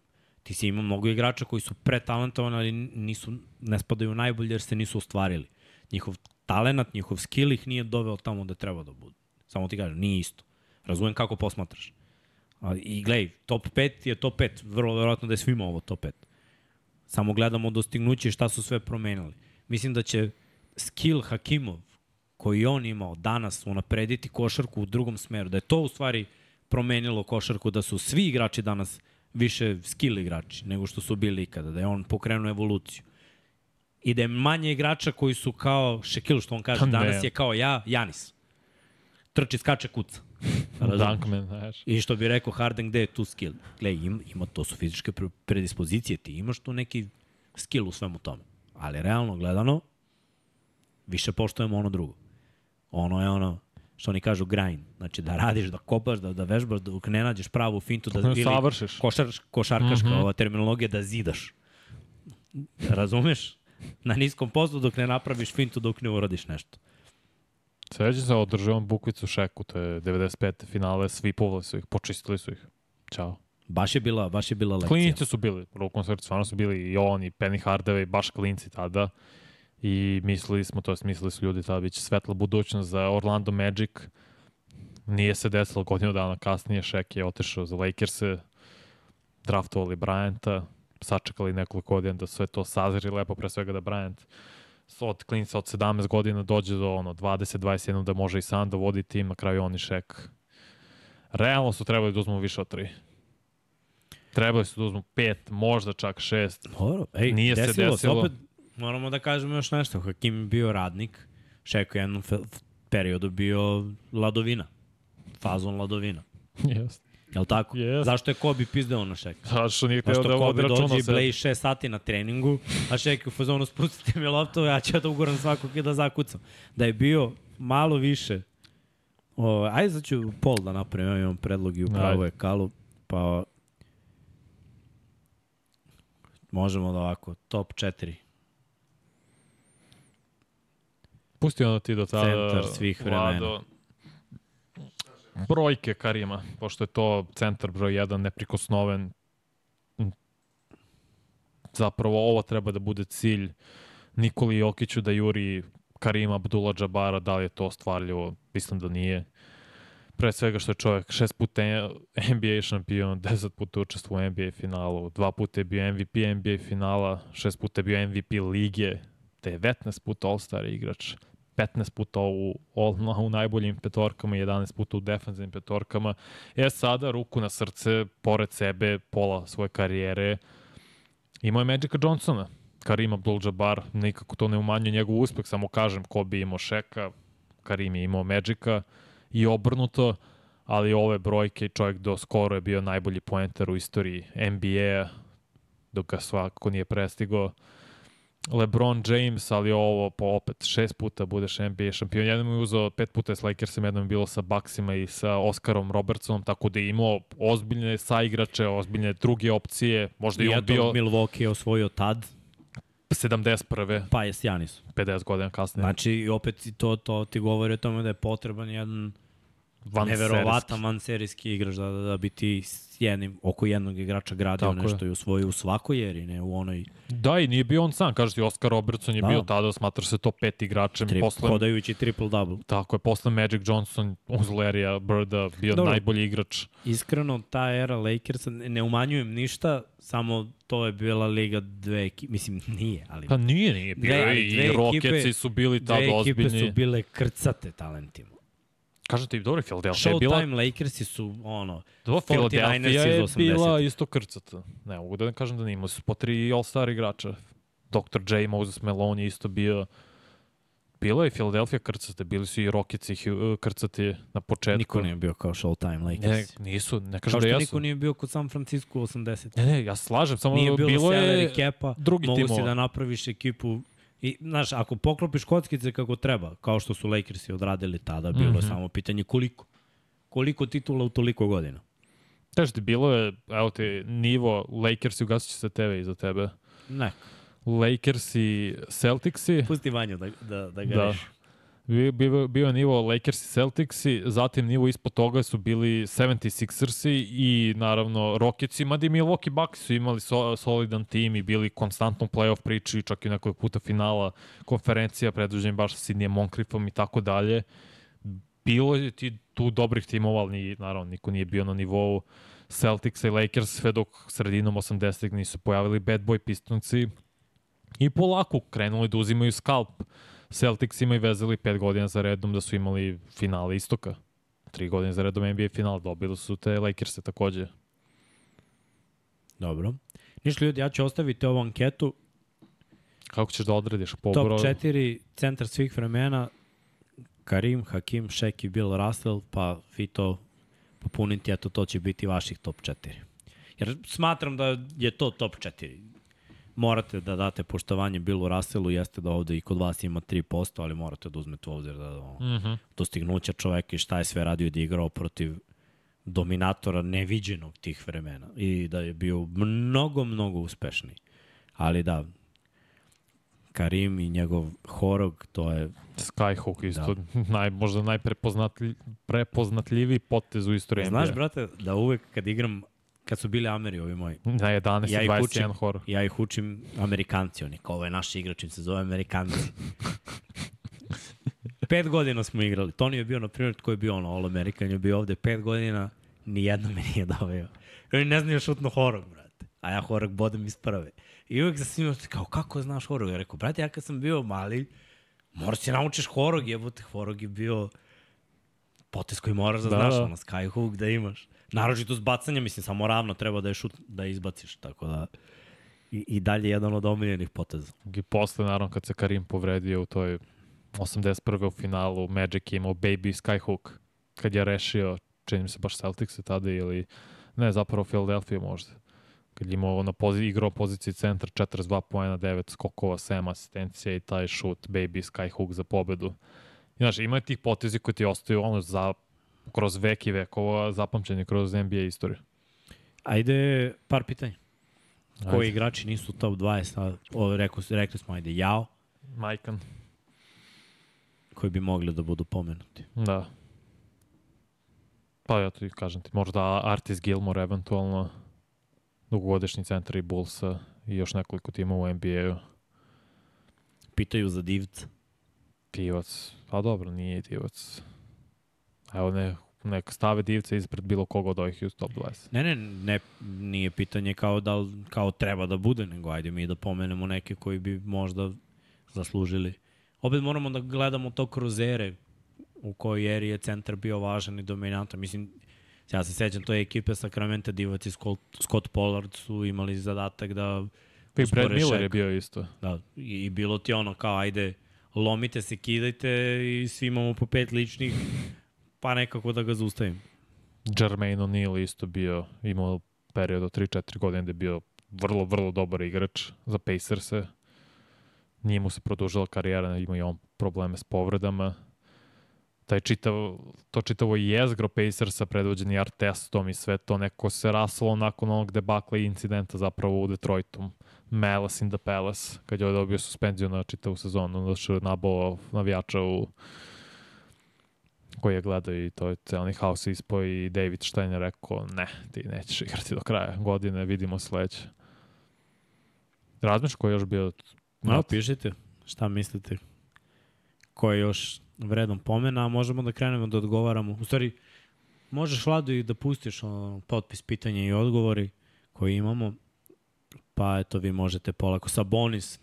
Pa Sabonis je kasno došao u NBA. Da. Mi ovde pričamo o posle njegovog ko je bio NBA. Znači on, on je čovjek stvoren za NBA, eto samo se nije desilo. Došao je, Mm. već je bio mator. I nije da nije dominirao, radio je on dobar posao. je jer- dobre sezone, ali sve je to za njih nepoznato. Totalno drugačije razmišljanje igrača u Americi i igrača u Evropi. Prvi potez, prvo kretanje, uh, šta prvo gledaš da uradiš, znaš, dribling dodavanje. Eto, to je, to je prva razlika između ono, Evrope i Amerike. Tamo ćeš da spustiš loptu dribling, ovde ćeš da pogledaš da, da li ćeš nekom da dodaš. Znači, to su ovaj razlike.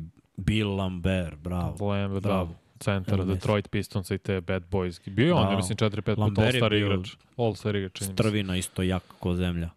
Tu kao gde je stigao. Da. A, bilo je bilo je pitanje za, za Srbiju i Italiju, ajde da pričamo o tome malo. Pa je prvo u Ja sam Grčkoj. sinoć gledao to dok sam večerao. Prvo smo igrali protiv Grčke, Ajde. utorak i iskreno na prvi mah mi delo da imamo novu, pa da kažem veliku trojku, da li je uslovno rečeno ili ne, to pričamo o Bogdanu, Milutinu i čak i o Guduriću koji me zaista pozitivno iznenadio protiv Italije i protiv Grčke. Što? Nisam očekivao da će igrati toliko dobro, stvarno. Imao je sve... Misliš da je igrao toliko dobro? Pa mislim da je igrao bolje nego što sam ja zamislio. To je moj subjektivni Ja, osjećaj. me, meni se, znaš šta, imam, imam nadimak za Gudurić. Reci. Potez više. Slažem se, to sam sad teo da kažem. Ima To- to je poteze moj više, utisak. ali imao i Dribling dobre... više izgubljena lopta. Da, ali imao i dobre rešenja i šut i stvara za sebe poene i lepo igra pick and Pa roll stvara igru. kad neko mora da stvori. U tome je stvar, to sad teo kažem. Mi nemamo u timu, pored Bogdana, još jednog igrača koji može konstantno sebi da stvara poene. To je najveći mana ove reprezentacije, jer Milutinu uvek treba neko da spusti loptu, da se nađe dobra akcija za njega, pick and roll, da se na, pronađu laki poeni. Moje pitanje je sad tebi i ljudima, da li Pešić može na nivo na utakmici, svakoj utakmici da stvori 10 akcija da ćemo imati lake poene. Kaka, to je znači 20 poena Može. do 25. Gledaj, moraš samo da razumeš taktiku, Ja mislim da ne može. taktiku pripremnih tekma. Okay. Koja je tu point? Mogu ti kažem kao neko ko je igrao Znam. pripremne tekme dosta, znači Isto. poenta je minutaža za sve. Znači ti Mora mora, da, da vidiš vidi. jer šta je ovo, širi spisak reprezentacije koji I se sa skraćuje. tim, izvim što te preknem, s tim imam problem, jer bi trebalo do sada da se zna koji su 12 igrača, jer to rade sve ozbiljne reprezentacije. Ali mi, mi nismo ozbiljno iz, o, iz ovog aspekta, jer si imao, ako ti kao trener, i to mogu da ti kažem, kao trener kad sklapaš Mhm. To ekipu, već ne znam. kad sklapaš ekipu, isplopio si sve i onda, e, ja ne mogu zbog ovog, ja ne mogu zbog ovog, ja sam povređen, ja ovo i ti sad vrži pet imena. Ode cela taktika koju, znaš, ti si u glavi imao zamisao šta ćeš da Čekaj, radiš. Mix, zar, I sada- zašto, to, zašto, zašto to nije, ne predstavlja problem drugim reprezentacijama? Zašto, ne znam, evo, Kanada, Amerika imaju 12 igrača, imaju još nekih 5-6 koji su tu čisto da budu na treninzima za svaki slučaj, ali se znaju da neće biti u Generalno timu. za Kanadu i Ameriku mogu za Kanadu i Ameriku Aha. mogu da ti objasnim jer je njihova taktika vrlo prosta, oni svi igraju na isti fazon. E, razumeš, to ono što sam pričao. Prvo dribling, pa onda sve ostalo. Tako oni igraju, je tako. Tranzicija, odbrana, juri, trči, šutni. Tako oni igraju. Mi ne igramo tako. I ti sad moraš tu taktiku, ovi momci naši koliko puta su igrali zajedno. Dobro, koliko su puta, koliko su puta ovi igrali zajedno? Ovo je novi tim. Ali, u, u, brate, to je kao termin, ko, oni igraju termin košarku. To je njihova reprezentacija. Termin košarka. Dobro, okej. Njihove taktike su, ono, termin košarka. Zašto taktika. mi ne igramo termin košarka taktiku? Zato što smo mi, jugoslovenska košarka, uh, Pa zato ima košarke, mi ne igramo Pešić, termin košarku.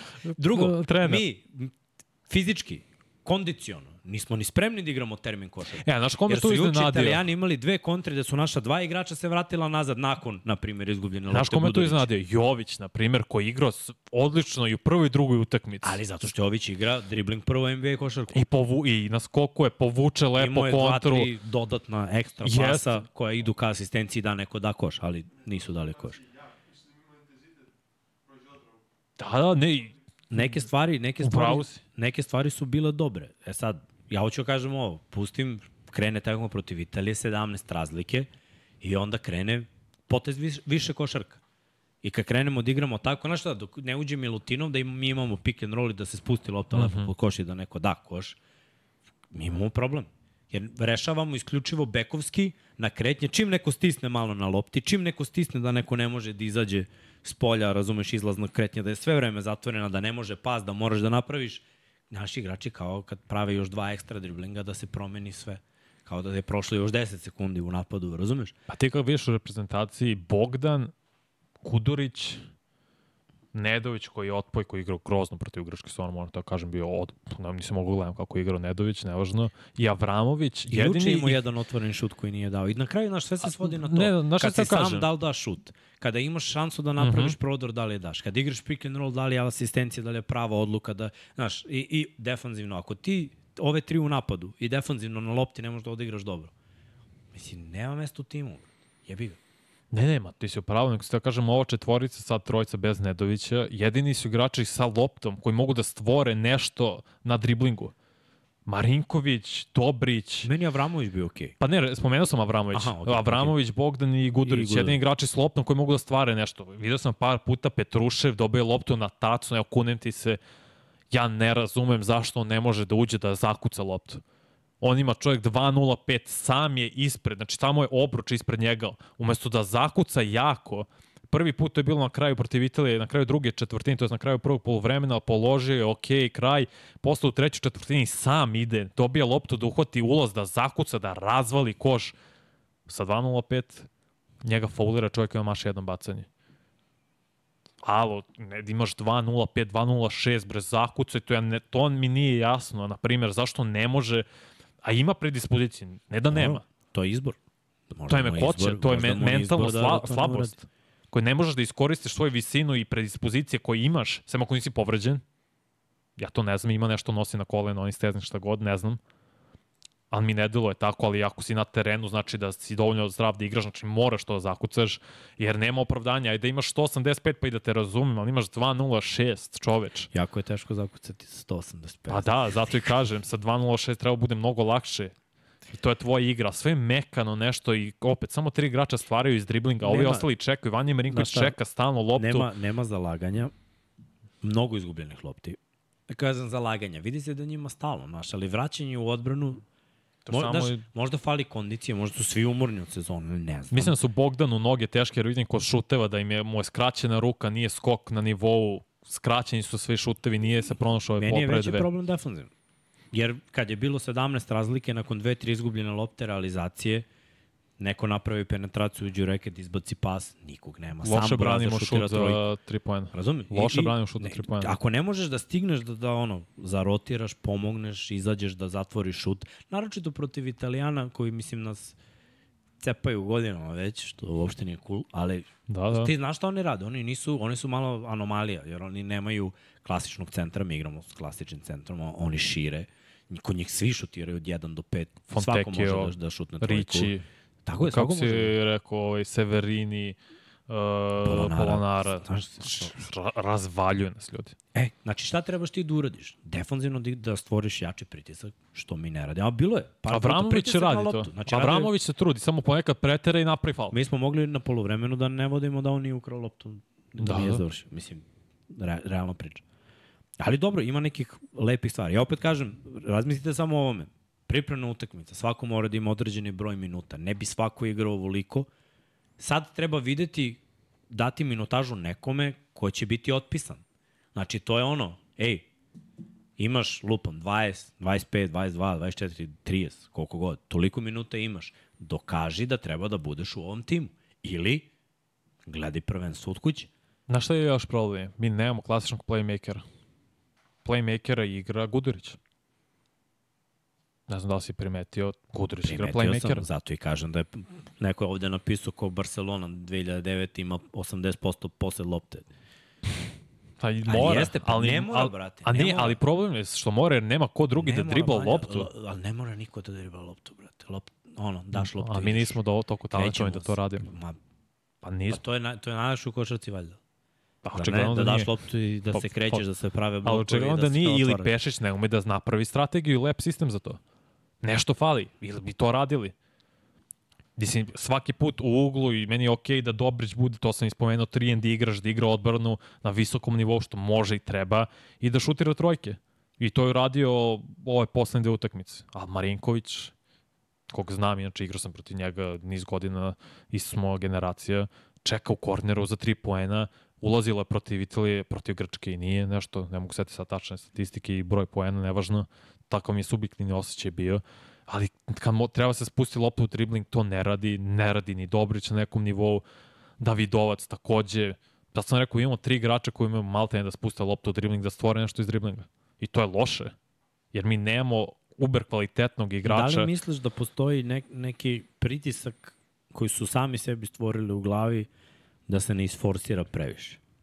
Mm, Pošto kod nas, kod nas uvek postoji ovo, mislim, ajde, uzmi ovo.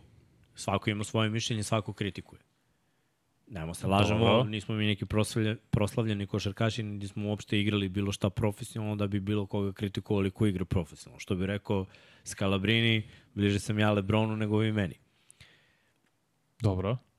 Možda je samo od svega, cele priče, od ustajanja, došao si na spisak u, u tvojoj glavi ne treba ovde da isforsiram, ne treba da spustim lov. Znaš, previše razmišljanja. Uvek Pa to je trebaš ono, mnogo loše.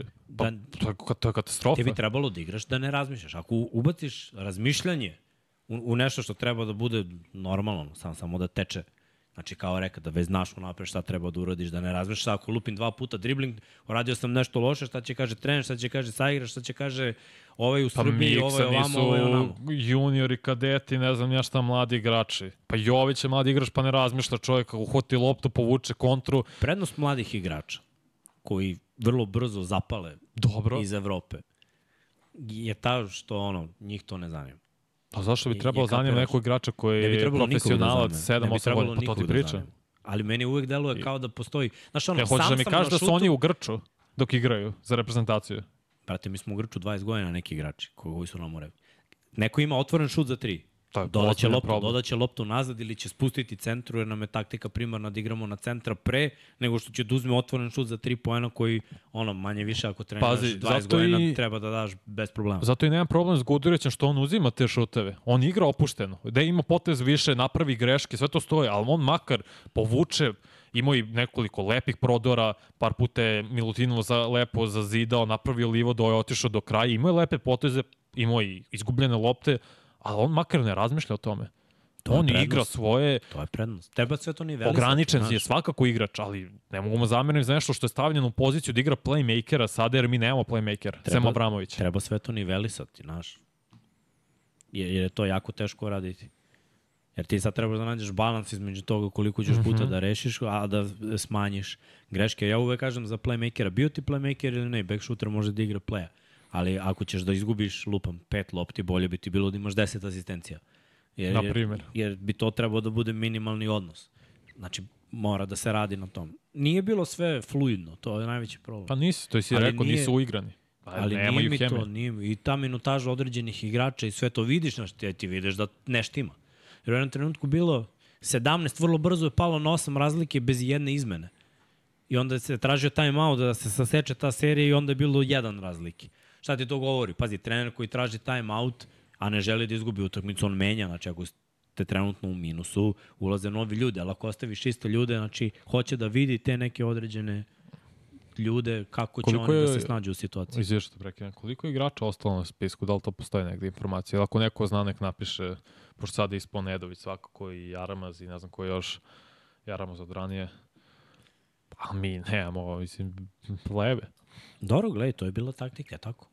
Micića je bilo Prošle godine da se ostrani Teodosić zbog Micića, Micić sad ne igra i ti si izgubio dva pleja. To kako Dve jednim udarcima. oprostili od Teodosića, to je katastrofa. Dobro, to je druga stvar. Situacija od strane Pešića, to je grozno što je čovjek Mi uradio. Srbi smo poznati po tome, što ti je to čudno. Nema reči, stvarno. Četvr finale, da se ljubimo lakat. Kao nakon ove dve utakmice. Ma, brate, ali zašto uvek... Evo, ti viš, ja imam problem s tim. Postavljanje ciljeva. Pa dobro, nego šta treba da radim? Idi i zabavite se. Prođemo grupu. Dobro, i to je prvi cilj. Ne, ne, ne. Dok se taj cilj ne ostvari, drugi cilj ne postoji. Nema prvi, drugi, treći, četvrti, peti cilj. Ne mogu mi se tako razmišljam, grupa Nego im je cilj- Južni Sudan.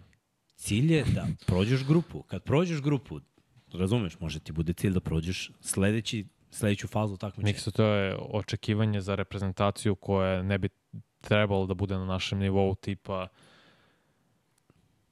Finska, na primjer. Ne znam, uz lupio Kaže. Nemanja Brković 13 koji su u Grčkoj plus trojica koji se oporavljaju. Ok, da li možeš na tu trojicu da računaš? Znači, u, u suštini ovo je sastav. To ćemo da vidimo. jedan igrač manje. To ćemo da vidimo. Ako se ne zna koji, su- koja tri igrača se oporavljaju, sad stvarno ne mogu.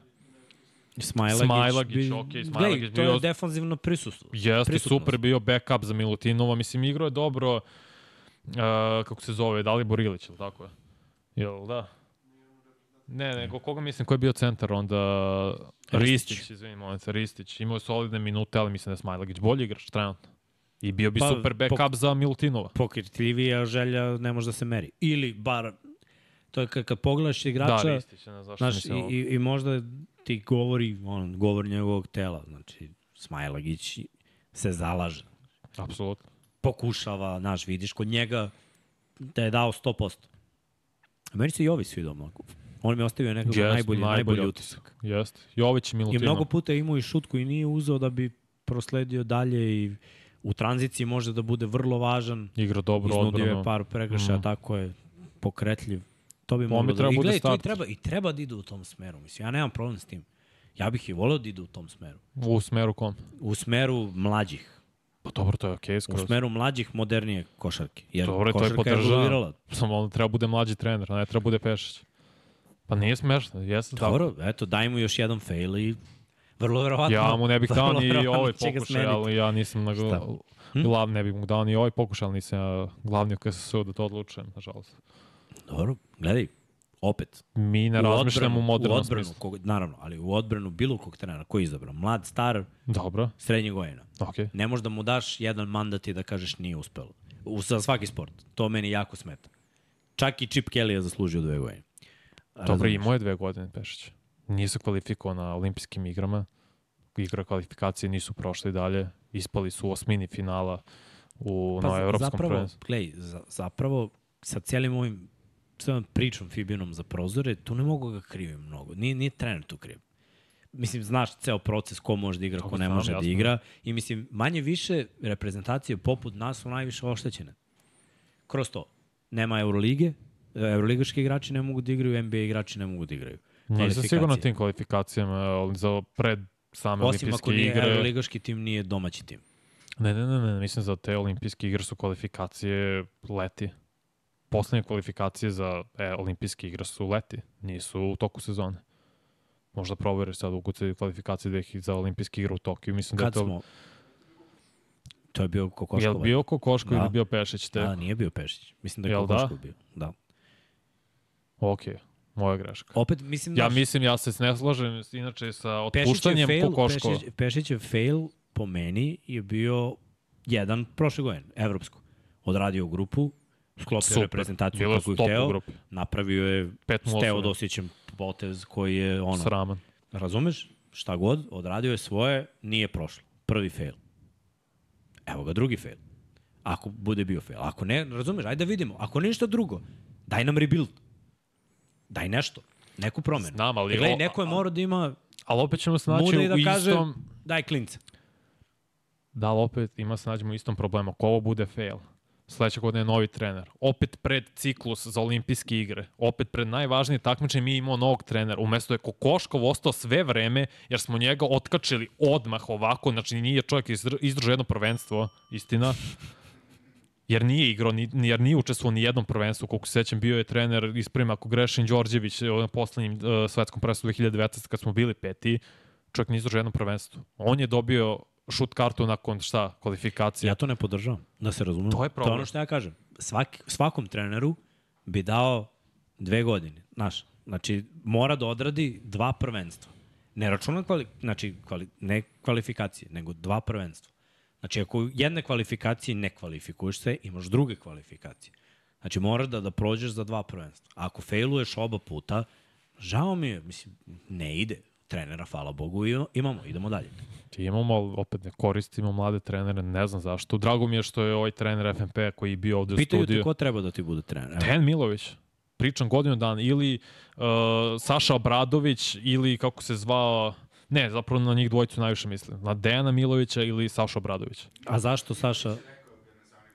Da, Milović, e, to A- je najveći problem. zašto Saša Obradović? Zašto ima dosta uspeha u evropskoj košarci. Sa, vodio je dobre timove. Kako je vodio? Koji tim je vodio u Evropi? Monako. Sad, Monako. Kako igra Monako? Igrao je vrlo dobro Znaš kako igra Monako? Igra dobro, znaš kako igra, zahvaljujući igračima okay. kojima igra divlje. Dobro, okej. Ne bi moglo tako da se vodi. Mislim, on Mora bi novi promenio, on sistem. bi radio nešto drugo. Da, ali Mislim, mora novi od- sistem sada. Ne, ne može opet stari naš jugoslovensko-srpski, kako god ga nazovi, to je ostarelo. To je nešto što je bilo pre 30 godina, 20 godina. Ok, neću reći 30, reću 20. Da. Kažu, ništa. Milo je, Milo je neće. Milan neće, žao mi, zbog toga nađe, daj da nađemo novog mladog trenera. Dobro, ali dok ga ne nađemo, Šta treba bude Pešić? ćuti i trpi, treba da bude. Ne Ako je treba. počeo, pusti ga nek završi, brate. Nemoj budeš taj lig, brate. Ne, ne, ja, Nemoj da, ono, pusti ga nek završi. ne, ja, I onda ćeš pričam, imati, ja gledaj, pričam od početka da ne treba Vrlo, bude. nebitno. Čovjek je dobio, je tako. Pusti ga nek završi. E onda formira svoje mišljenje nakon svega što je uradio. I suviše trčiš pred rudu za neke stvari. Ne mora da znači da nisi u pravu. Šta više, mm -hmm. vrlo verovatno da jesi. Ali sačekaj da se nešto završi da formiraš utisak. Formirao kapiraš? sam utisak nakon prvog prvenstva. Ali će biti potpuniji i, i gledaj, sigurno ćemo znati da li si u pravu ili ne kada A se znaš završi. zašto nećemo? Zato, zato što ne, samo fali pola tima. I sad imaš ugrađeno Ne, izgovor. nema to izgovor. Ne igra Niko Jokić, nije-. Micić. Bjelica, Kalina, Uzmi, Lučić. uzmi celu našu košarku, niko nije preživeo to. Jedan Željko Obradović je bio doviđenja prijatno onako neuspeh. Druga era. Nebitno. I bit će i sad. Nikom se neće trpeti to. Znači, jednostavno, očekivanja ovde uvek postoje. Očekivanja su ovde medalja. Postavljamo nerealne ciljeve. To A ja opet nerealno. kažem, To je mnogo, baš to- reality check bi bio da nam je cilj da prođemo grupu. Mislim, to bi trebalo da bude tako. To nam je, to nam je realno. Prođemo grupu. Pa onda da vidimo gde smo i šta smo. Jer za razliku od nas koju ono, smo, da kažemo, košarkaški ob- obrazovani, uh Mhm. -huh. ostatak sveta stiče ozbiljno i atleticizam i, i obrazovanje. I mogu da kažem da su sve više i više veće atlete od nas, zato što crpe svoje igrače sa različitih kontinenta, a mi ostajemo ovde gde jesmo i nismo baš atletski nadareni toliko kao ostatak sveta, koji sve više leti, trči, skače, kuca. To je problem i naših onda ili mladih igrača ili sistema koji mi imamo što se tiče treniranja, mislim, neverovatno mi je, nije da nemamo uslove, nisu najbolji uslovi, ali sada, hvala Bogu, imamo toliko teretana i ozbiljnih teretana u Beogradu, ajde, samo počnemo od toga i imaš Nije i samo do toga. do želje onda. Ako imaš stvarno onda do želje, Ima i do imaš, želje, imaš ima do stvari gena. da Ima radiš. i do gena, znaš. Ok, Do ali genetskih predispozicija. Koje de facto pa dobro, kako nekad je, imamo, nekad ne. Prvo, malo nas ima. Ja razumeš? dobro, ali imamo nekog uzeo. igrača približno fizik, fizičkim Naš predispozicijama najbolji igrač je kao atleta. Markanen. Ali čekaj, je naš najbolji igrač atleta? Nije. Nije. Znači, mi igramo na drugi, na drugi fazon. Je li tako? On igra na drugi fazu. A mi pokušavamo da igramo na taj fazu. Dobro. A nama to ne ide. Pa. Ostalim igračima. Veruj mi da im ne bi išlo ni da trče, skaču i kucaju. Zato što nisu Većina. radili na sebi. A ti kad pogledaš, evo kunem ti se, pa ja ne znam koliko godina je taj Davi, i Davidovac i Dobrić u profesionalno igraju košarku. Ja mislim da pet godina nisam vidio da su oni svoje fizičko telo doveli na jedan ozbiljni nivo. Molim vas ispravite ako grešim, opet pratim sporedično evropsku košarku, nek toliko kao NBA, pa vidim svaki igrač koliko je napredo u NBA-u, ali ja stvarno nisam primetio Dobrić razlika sada i pre tri godine. A da li znaš šta obično, Fizički. šta obično rade igrači kada završi šuterski trening ili timski trening. Tamo. Udarite, Ili posle, udarite tekme, ili posle tekme. Znaš šta udare ovi naši? Ništa. Pivo ili klopu. Mislim, i to je tako. A jednostavno to je, tako. onda ne treba više da očekujemo ozbiljne uspehe. Ako je to stvarno tako, ja ne verujem da, da je to slučaj kod svih, naravno da nije, ne.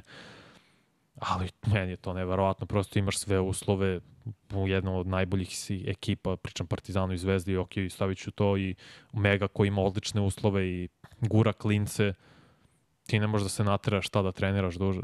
Da radiš na sebi, da angažuješ najbolje trenere ovde, a imamo vrlo dobre kondicije, ne kažemo odlične trenere koji stavano dobro fizički spremaju i uh, inostrane igrači i sve to šta ovi naši neće da rade na fizičkim pripremama, predispozicijama. Jer zato ja treba kad gledam, ako ti znaš da sam skroz opušten i ono fleg, flegma, da se ja iznerviram što Petrušev ne može da zakuca loptu. Dobro, nema, to ne treba te nervira. Ne, ne može da me nervira kad čovjek ima 2.06, ima super predispozicije fizički i on je mekan i ide na polaganju mesto zakuca. Meni, ja, ja to u glavi ne mogu Ali da mene shvatim. oduševi kao juče što ima skok u napadu i onda van balansa uz kontakt pogodi neki floater koji baci. Razumeš? Ima, moramo da, moramo da gledamo prednosti naših igrača, naš, ne da gledamo mane. I Miksa, trenera naše i prednosti više nisu prednosti. To je košarka pre 20 godina. Nisu da osvojimo Medal. nešto, ali daj da vidimo koliko može ovaj roster. Neću ih ono otpisati, to je to je što je. Znači bo, bolje nemamo. Ajde da vidimo šta može s ovim što je tu. Da. Jer, znaš, ne- neće tu ništa promeniti. Phil Jackson da dođe, neće tu promeniti ništa. Ja me kapiraš? Kogoda je trener. Kogoda misliš da, da jer kontinuitet je ono što, što najviše fali. To je da je ta ekipa, to ono što sam rekao, konstantno da isto. Sad imamo priliku da odredimo rebuild. Da, da se do... Da, šansa je, neko je pitao za, za ovog malog, tad, ne, ne on samo, Tadić. Ko? Aha. Neko je pitao, sad ću da vratim gore, šta mislite o njemu? Mislim da da svi klinci, manje više, treba da dobiju šansu da igraju. A koji su to klinci? To je moje pitanje, evo koje pita vas neko ko ne prati naše klince. Zna razloga, ono, nisu mi zanimljivi, pratim inostrani sve to, ispratio sam ovo prvenstvo. Kapiram. Uzmeš, znači... Samo zato, zato pitam ljudi, stvarno bez ikakvog sarkazma, Sa- ko su to klinci sem mogući- Jovića? Sav mogući respekt za sve koji su ono Mhm. između 25 i 30 godina i dočekali svoj moment da konačno zaigraju za reprezentaciju. Neka bude ovo ono last dance. The Last Hura. Razumeš? To je to. Nakon toga idemo u nekom drugom smeru. Jer je očigledno preko potrebno. Samo samo pitam, ako može neko napiše koji je to novi smer? Koji su ti klinci onda imaju od 20 do 23 godine, sem Jovića, da kažemo i Pokuševski, Topić, Drezgić. Topić, okej. Okay. I znam, on treba bude i na draftu, beše sledeće godine, je li tako? Gledaj, Zašto Kreni- on nije kreni na širem polako. spisku? Dobro, nije to pitanje za mene. Ni- Nije Ma ni ne, ja važno. pitam, možda, ja ne pitam da je možda ne, treba, generalno. možda ne treba ni da bude sada, ali možda bi trebalo ako se desi fail da bude u budućnosti. Nikad nije lako napraviti rebuild, nikad nije lako odustati, jer uvijek ti imaš pritisak da ćeš nešto da uradiš i ovi momci ne bi bili tu da oni ne veruju da mogu nešto da urade. Kapiraš? Baš me zanima šta veruje. Ali Baš polako, zanima. polako. Izvini, ja stvarno i hejter u ovom slučaju i zato što stvarno sumnjam da mogu bilo šta da urade. Dobro. Jer Gledaj, moje je- su možda očekivanja... Hoćeš mi reći da juče nije bilo dobrih momenata i, i protiv Ne, ne, ne. Ja Znači, kažem, bilo je protiv Grčke je momenata. bilo više dobrih momenta i slažem Treba se. sesti, gledati film i te dobre momente, oni da budu češći, a loši momenti da nestanu.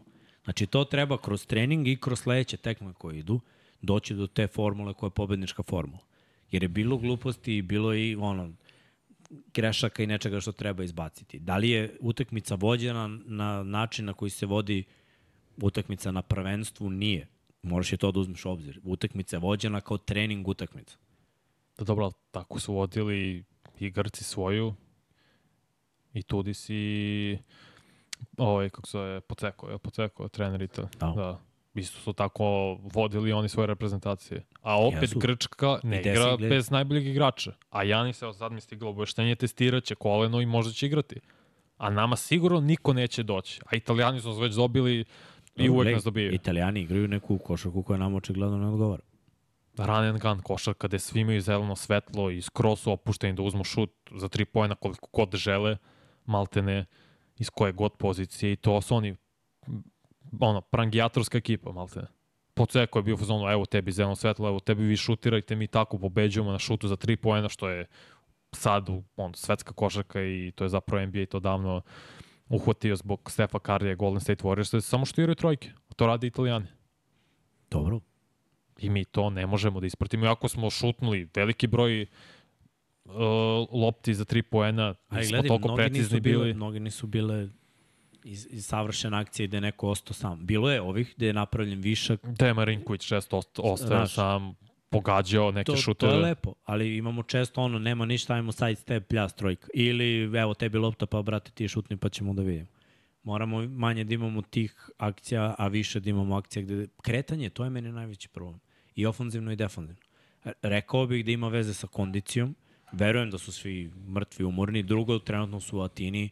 Mislim, ne znam da li ljudi znaju, ali u Atini je 50 plus stepeni m, već mesecima.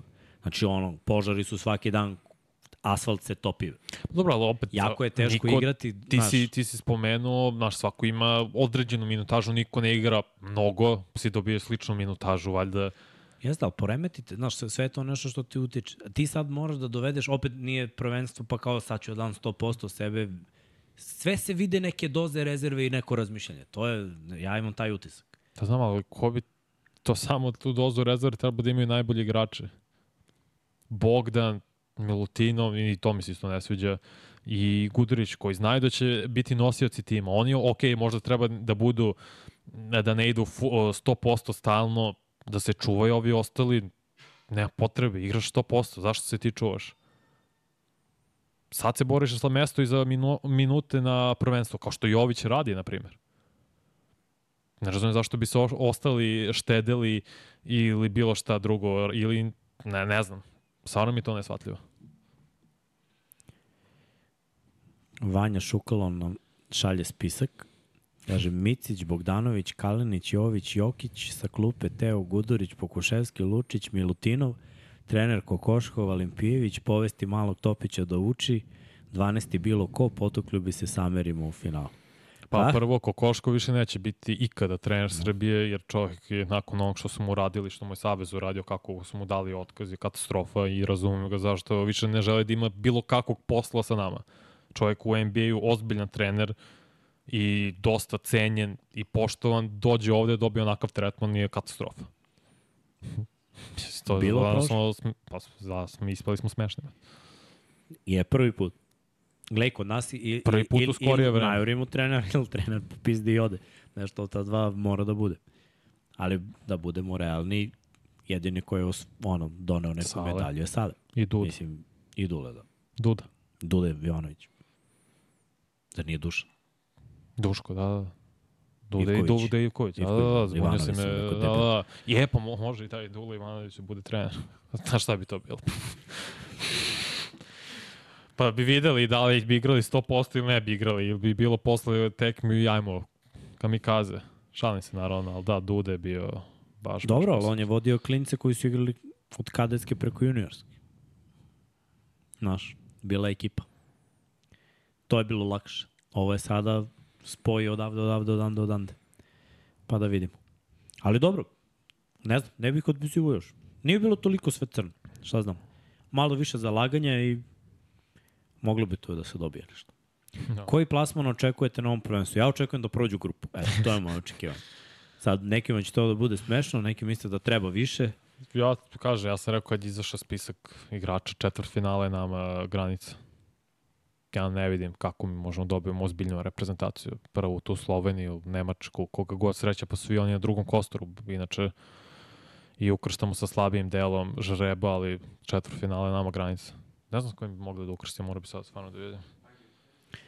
Evo ga dobro pitanje Ognjan. Sad ću reći. Kaže, ako bi izborili olimpijske igre, da li bi ovi igrače koji izbore olimpijadu pozvali sve? Iskreno, bi. Iskreno, nećemo izboriti, objasnio sam prošli put. Ne, ne, ne. Šanse su male, ali šta ako se desi? Znači, pitanje ti je, mora da govoriš na pitanje, naučiš. Dobro. Pitate čovek šta, ako oni to urade. Znači, Ne bi hipotetički. pozvao iste igrače, treba da To je igraju to. najbolji igrači, znači Uvek. Micić, Jokić, ako može Lučić sledeće godine, Kalinić, uvek treba da ide najbolja reprezentacija, kao što svi rade, kao što Amerikanci rade. Mogu da se zakunem da ova Si gledao reprezentacija... protiv Porto Rika? Ko je? One iz... Sad? A, da, da, da, da. Anthony da. Edwards najbolji igrač tamo. Brate, bilo je prvo polovreme ono na Da, da. par poseda I i, posle. dobiš ih 50 razlike na kraju. I opet, ta, kažeš ti, oni će igrati na olimpijskim igrama i neće biti ovaj sastav siguran. Verujem da će igrati čak i Steph Curry koji izrazio želju. Želim da igram na olimpijskim igrama. Neće igrati ovo prvenstvo, tako da sigurno neće, ni ne treba ni mi da imamo isti sastav. Mi igramo, evo još jednom, grupa B, Južni Sudan, Kina, Porto Riko. Ok, ukrštamo sa grupom A, Angola, Filipini, Italija, Italija, Dominikanska republika. A, zatim, kako se dalje ukršta, samo da vidim. Ti možda da mi se nađeš pitanje dok mi ovo učita. Imamo brdo pitanja. Kaže, što ne kritikujete ove igrače što su okazali Pešiću? Pa šta ja imam da kritikujem bilo koga? Znači, ako on neće da igra, neće da igra. To je njihova stvar. Hoćeš igraš, znači mene zanima samo reprezentacija koja će da igra. Kogod igrao za nju, kako god igrali, znači opet kažem, to je ono što mene zanima. Sad ovaj hoće, ovaj neće, da li ovo, da li ono. Ja sam vam rekao moje mišljenje. U bilo kom trenutku da sam dobio poziv da igram za reprezentaciju, odgovor bi bio samo jedan. Znaš ono ko što imamo ovde u polu, jednu, dve, tri ili četiri opcije. Kod mene ima samo jedna da se zaokruži, a to je da. I, i to je to. Ali ja mislim da to ima veze sa, tome, sa time kakav si kakav si čovjek, kako si ono, se formirao kao ličnost. I ja sam se formirao kao i ostatak, verovatno kao ostatak moje generacije ovih starijih. Znači, svi mi što smo stariji od 35 godina, verovatno razmišljamo o tome da repka broj 1.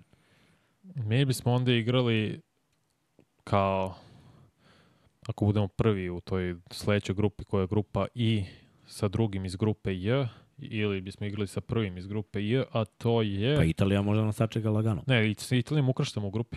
Aha, Naše dve grupe ukrštaju, a sad ću ti kažem, ovo izvini, molim te, ko ukršta u drugoj. Znam da su Amerikanci. A,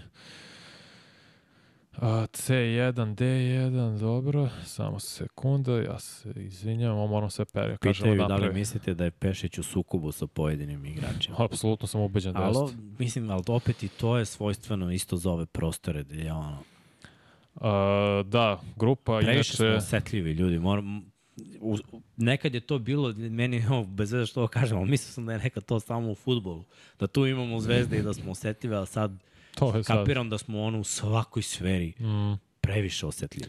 samo da završim ovo grupa C koja ukršta sa grupom D na, sa kojom mi na kraju potencijalno ukrštamo u četvrtfinalu jeste Amerika, Jordan, Grčka, Novi Zeland, to jest Egipat, Meksiko, Crna Gora, Litvanija. Što znači?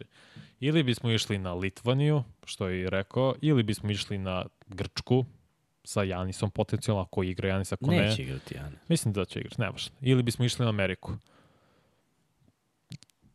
U četvrtfinalu. Što znači da mi u najboljem slučaju treba izvučemo Litvaniju. Da budemo prvi u toj sklopljenoj novoj grupi sa Italijom, da njih nekako pobedimo i budemo prvi da bi Ameriku izbegli. Da bi išli sa Litvanijom i onda možda čak i imamo šanse neke, mada mislim da je iskreno Litvanija kvalitetni tim, duže igraju zajedno.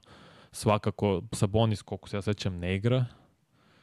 Nisam Ne igra, siguran. ne igra, znam, rekao sam ja to još pre nego što je počeo. Valanciunas igra, mislim da su oni izgubili sad baš od s kim su oni igrali kvalifikacije, ne baš, nije, nije važno toliko, eto, Litvan je potencijalni protivnik samo zato što su imali sreću Kostoru, jer je drugih četiri grupe, to je drugi Kostor, Nemačka, Finska, Australija, Slovenija, Španija, Brazil, Kanada, Letonija, Francuska. To je pakleno. Opet imamo pitanje da li je trebalo Kari da pozove Panter. Sad, Ne, moje mišljenje je da nikad to ne treba raditi. ne, Svako ima pravo na svoje mišljenje. Ali tu se slažem. meni bi to bilo onako totalno van svakog rezona. Šta je najluđa stvar, taj Panter bi vjerojatno igrao sa više srca nego ovi drugi. Ali ja se i dalje ne slažem da treba Nije da to igra. poenta, brate. Naravno. To kažem, to je šamar, to je poslednja slamka, mislim, koja. Poenta je da, da naši momci igraju i da naši, kako god igraju, naši. I to je to. Tako treba. Uh, dobro. Čekaj da vidim kako ide ovo glasanje. No, ja zaboravim na to. Za sada Karim 35%, Hakim 31%, Šejk 25% i Bill Russell 9%. Da, dobro, očekivan. Tako kažu ljudi. Jeste videli žreb za Euro 2025? Nisam video žreb. Ja, vidio sam nešto. Moram sad da vidim, vidio sam, ali to je, sad mi je to skroz nevažno trenutno. To je nešto što se dešava za dve godine, tako da on, No, to su zapravo kvalifikacije za evropsko prvenstvo. Nije, Imamo malo je teža 500 grupa. ljudi u live-u, 150 je glasalo za ovu anketu. to menu drago. Mrzi vas da glasate. Eto, toliko ljudi cene tvoju listu. Nešta, 150 To oni glasova, glasaju za svoju ankete. listu, ja moj odradio, oni cene sebe. Pa, to ti kažem, toliko cene tvoju listu. A, misliš da, ja, sam mislio da Neće bio svoju, sarkazam. nego- Aha, Sad kad svi budu krenuli, gotovo, gasio sam. hit. Dobro, dobro, dobro. Da li mislite da je evropsko prošle godine bilo jače nego sada svetsko? E pa, pazi, kroz komentarisanje kvalifikacija za svetsko prvenstvo, ti se susretneš sa mnogo reprezentacija koje košarku igraju na nekom nivou koji je znatno, znatno slabiji od našeg.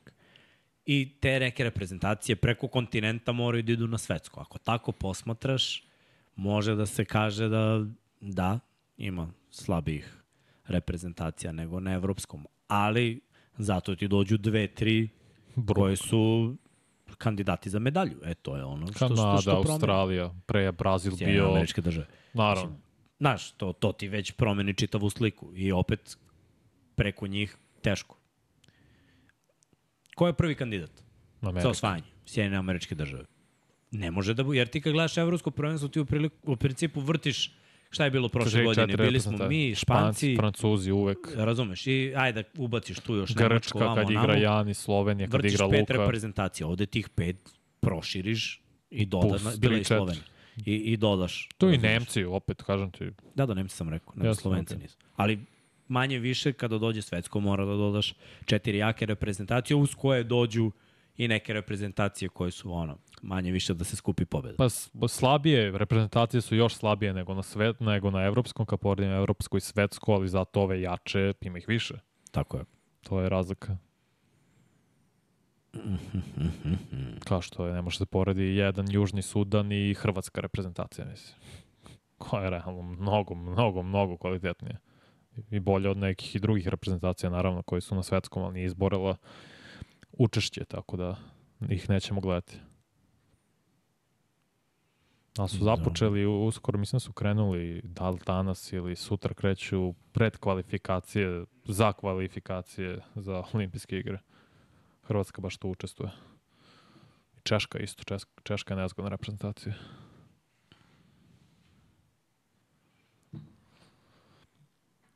Kaže, Vanjal bio Jack Sikma u opticaju za top 20 centara, ipak je donao Sonicsima jedinu titulu. Pa jeste, ali nije Dennis Johnson back, ovaj što smo ga spomenuli kad smo pričali o playmakerima, je bio najbolji igrač tih Supersonics, ali da, Jack Sigma je bio isto vrlo značajan šraf tih Sonicsa u krajem 70-ih, početkom 80-ih. I odličan igrač za Hoop Grids. Ko zna ko to igra, to je sjajna jedna igrica za NBA da ti pogađaš igrače, imaš tri reda po tri kolone, dati dva tima u prvo dva reda, i u zapravo u prve dve kolone i prva dva reda po dva tima, u treća kolona je obično kao beležio je 25 poena u jednoj sezoni. I tu imaš spajalicu, moraš da pogodiš, aha, ovo je, ne znam, Kyrie igrao u Celticsima, ali beležio je 25 poena u Cavsima, nema veze, igrao je za Celtics, imao jednu sezonu i ti tu upiš. I što manji procenat, to je bolje. Znači, što najrandom igrača kog možda smisliš, to je bolje njega da ubaciš. Mnogo zarasno, pokazat ću ti posle. Pokažat ćeš. Baš, baš, baš je cool. Baš je cool igra. Uh, imamo ovde 20 komentara vezano za, za Luku i Kuzmu. Brate, mi smo došli sa arene, radili Super Bowl. Da. Nemam pojma o čemu pričate, niti... Šta se dešava? Ne znam, pa kažu kao da su ovaj, ne postoje od večeras. Ne A? razumem. Studio im je napravljen, Na, stvarno ne znam šta se dešava. A iskreno vam kažem, I ne nije zanima. ne zanima. ovaj, to nisu moje stvari. Ovaj, jedne, jednom je neki citat izašao i, i to mi je bilo onako jako lepo da, da pročitam. Veliki ljudi pričaju o idejama, mali ljudi pričaju drugim ljudima. Tako da, ono, volio bi da budem veliki čovjek. A hvala Bogu imamo, Zato ne pričamo. imamo, imamo mnogo ideja o, koje da. moramo da realizujemo i mnogo stvari na kojima moramo da radimo. Ali, ko zna. Što se tiče ovoga, stvarno nemam pojma šta se dešava. znam, Znam moramo da, da imam, posle. da ima ovaj, mislim, radili smo i ti ja dugo. Znam ovaj da da ima dosta ljudi koji su i kod nas u podcastu koji prate, mislim ljudi koji prate generalno košarkaške podcaste i da vole da gledaju jedno i drugo. Tako da ono, ne znam. Ne znam što bih vam rekao. Uh, sledeća lista top 10 najveštih. A to bi Bryant bio prvi odmah to listi, vam kažem. Bryant pa Jordan. Pa Durant. Pa LeBron. Na vrhu glave. Sledeća lista je ono skup svih igrača da ima koji gde šta, pa onda idemo maksimalno se zapravo posvećujemo sve, svetsko prvenstvo. I vlada uzdiše za što je svesno da ga čeka mnogo grafika, veliki srđan je tu na odmoru je, tako da Da. se. da, moramo i da vidimo kad ćemo to. Ali dobro, za ovu nedelju smo završili, sutra je 99 yardi, ako sve to. Da, ne znam Da kada, možda da. 9. Imamo obaveze Kasnije. neke. 10, a? Možda. Pa nećemo stići, ali Zavisi kada ovo radimo. Dobro, smislit ćemo. ako bi mogli tipa, da, u 9 bi bilo idealno. Ali eto, svi ljubitelji američkog futbala, zvanično Čemu ćemo večeras, večeras kreću tek? Ko igra večeras? Ja sam mislio kreće u subotu. Ne, Večeras? večeras bi trebalo Patriots i Texans da igraju. Da, a? Znači, što gledat ćemo CJ petak- Stoji Strauda. petak u 1, znači to je za 45 minuta. Pa da, ako je to tako, jeste. Zato što piše i u subotu u 1, znači to je Jeste, petak večer. večeras kreću, da, Večeras da, dve Patriot, tekme, dve i tekme, a u Minnesota- četiri Minnesota, Seattle. Seattle, Super. to to. Tako da, Ne. 45 minuta, tamo da se klopa nešto.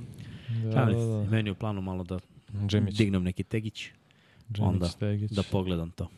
Super, da, da, svaki dan imaju utakmice. I subotom isto. I u petak uveče takođe imaju ta, takođe im utakmice. Da, da. Pa Da, četiri dana za redom.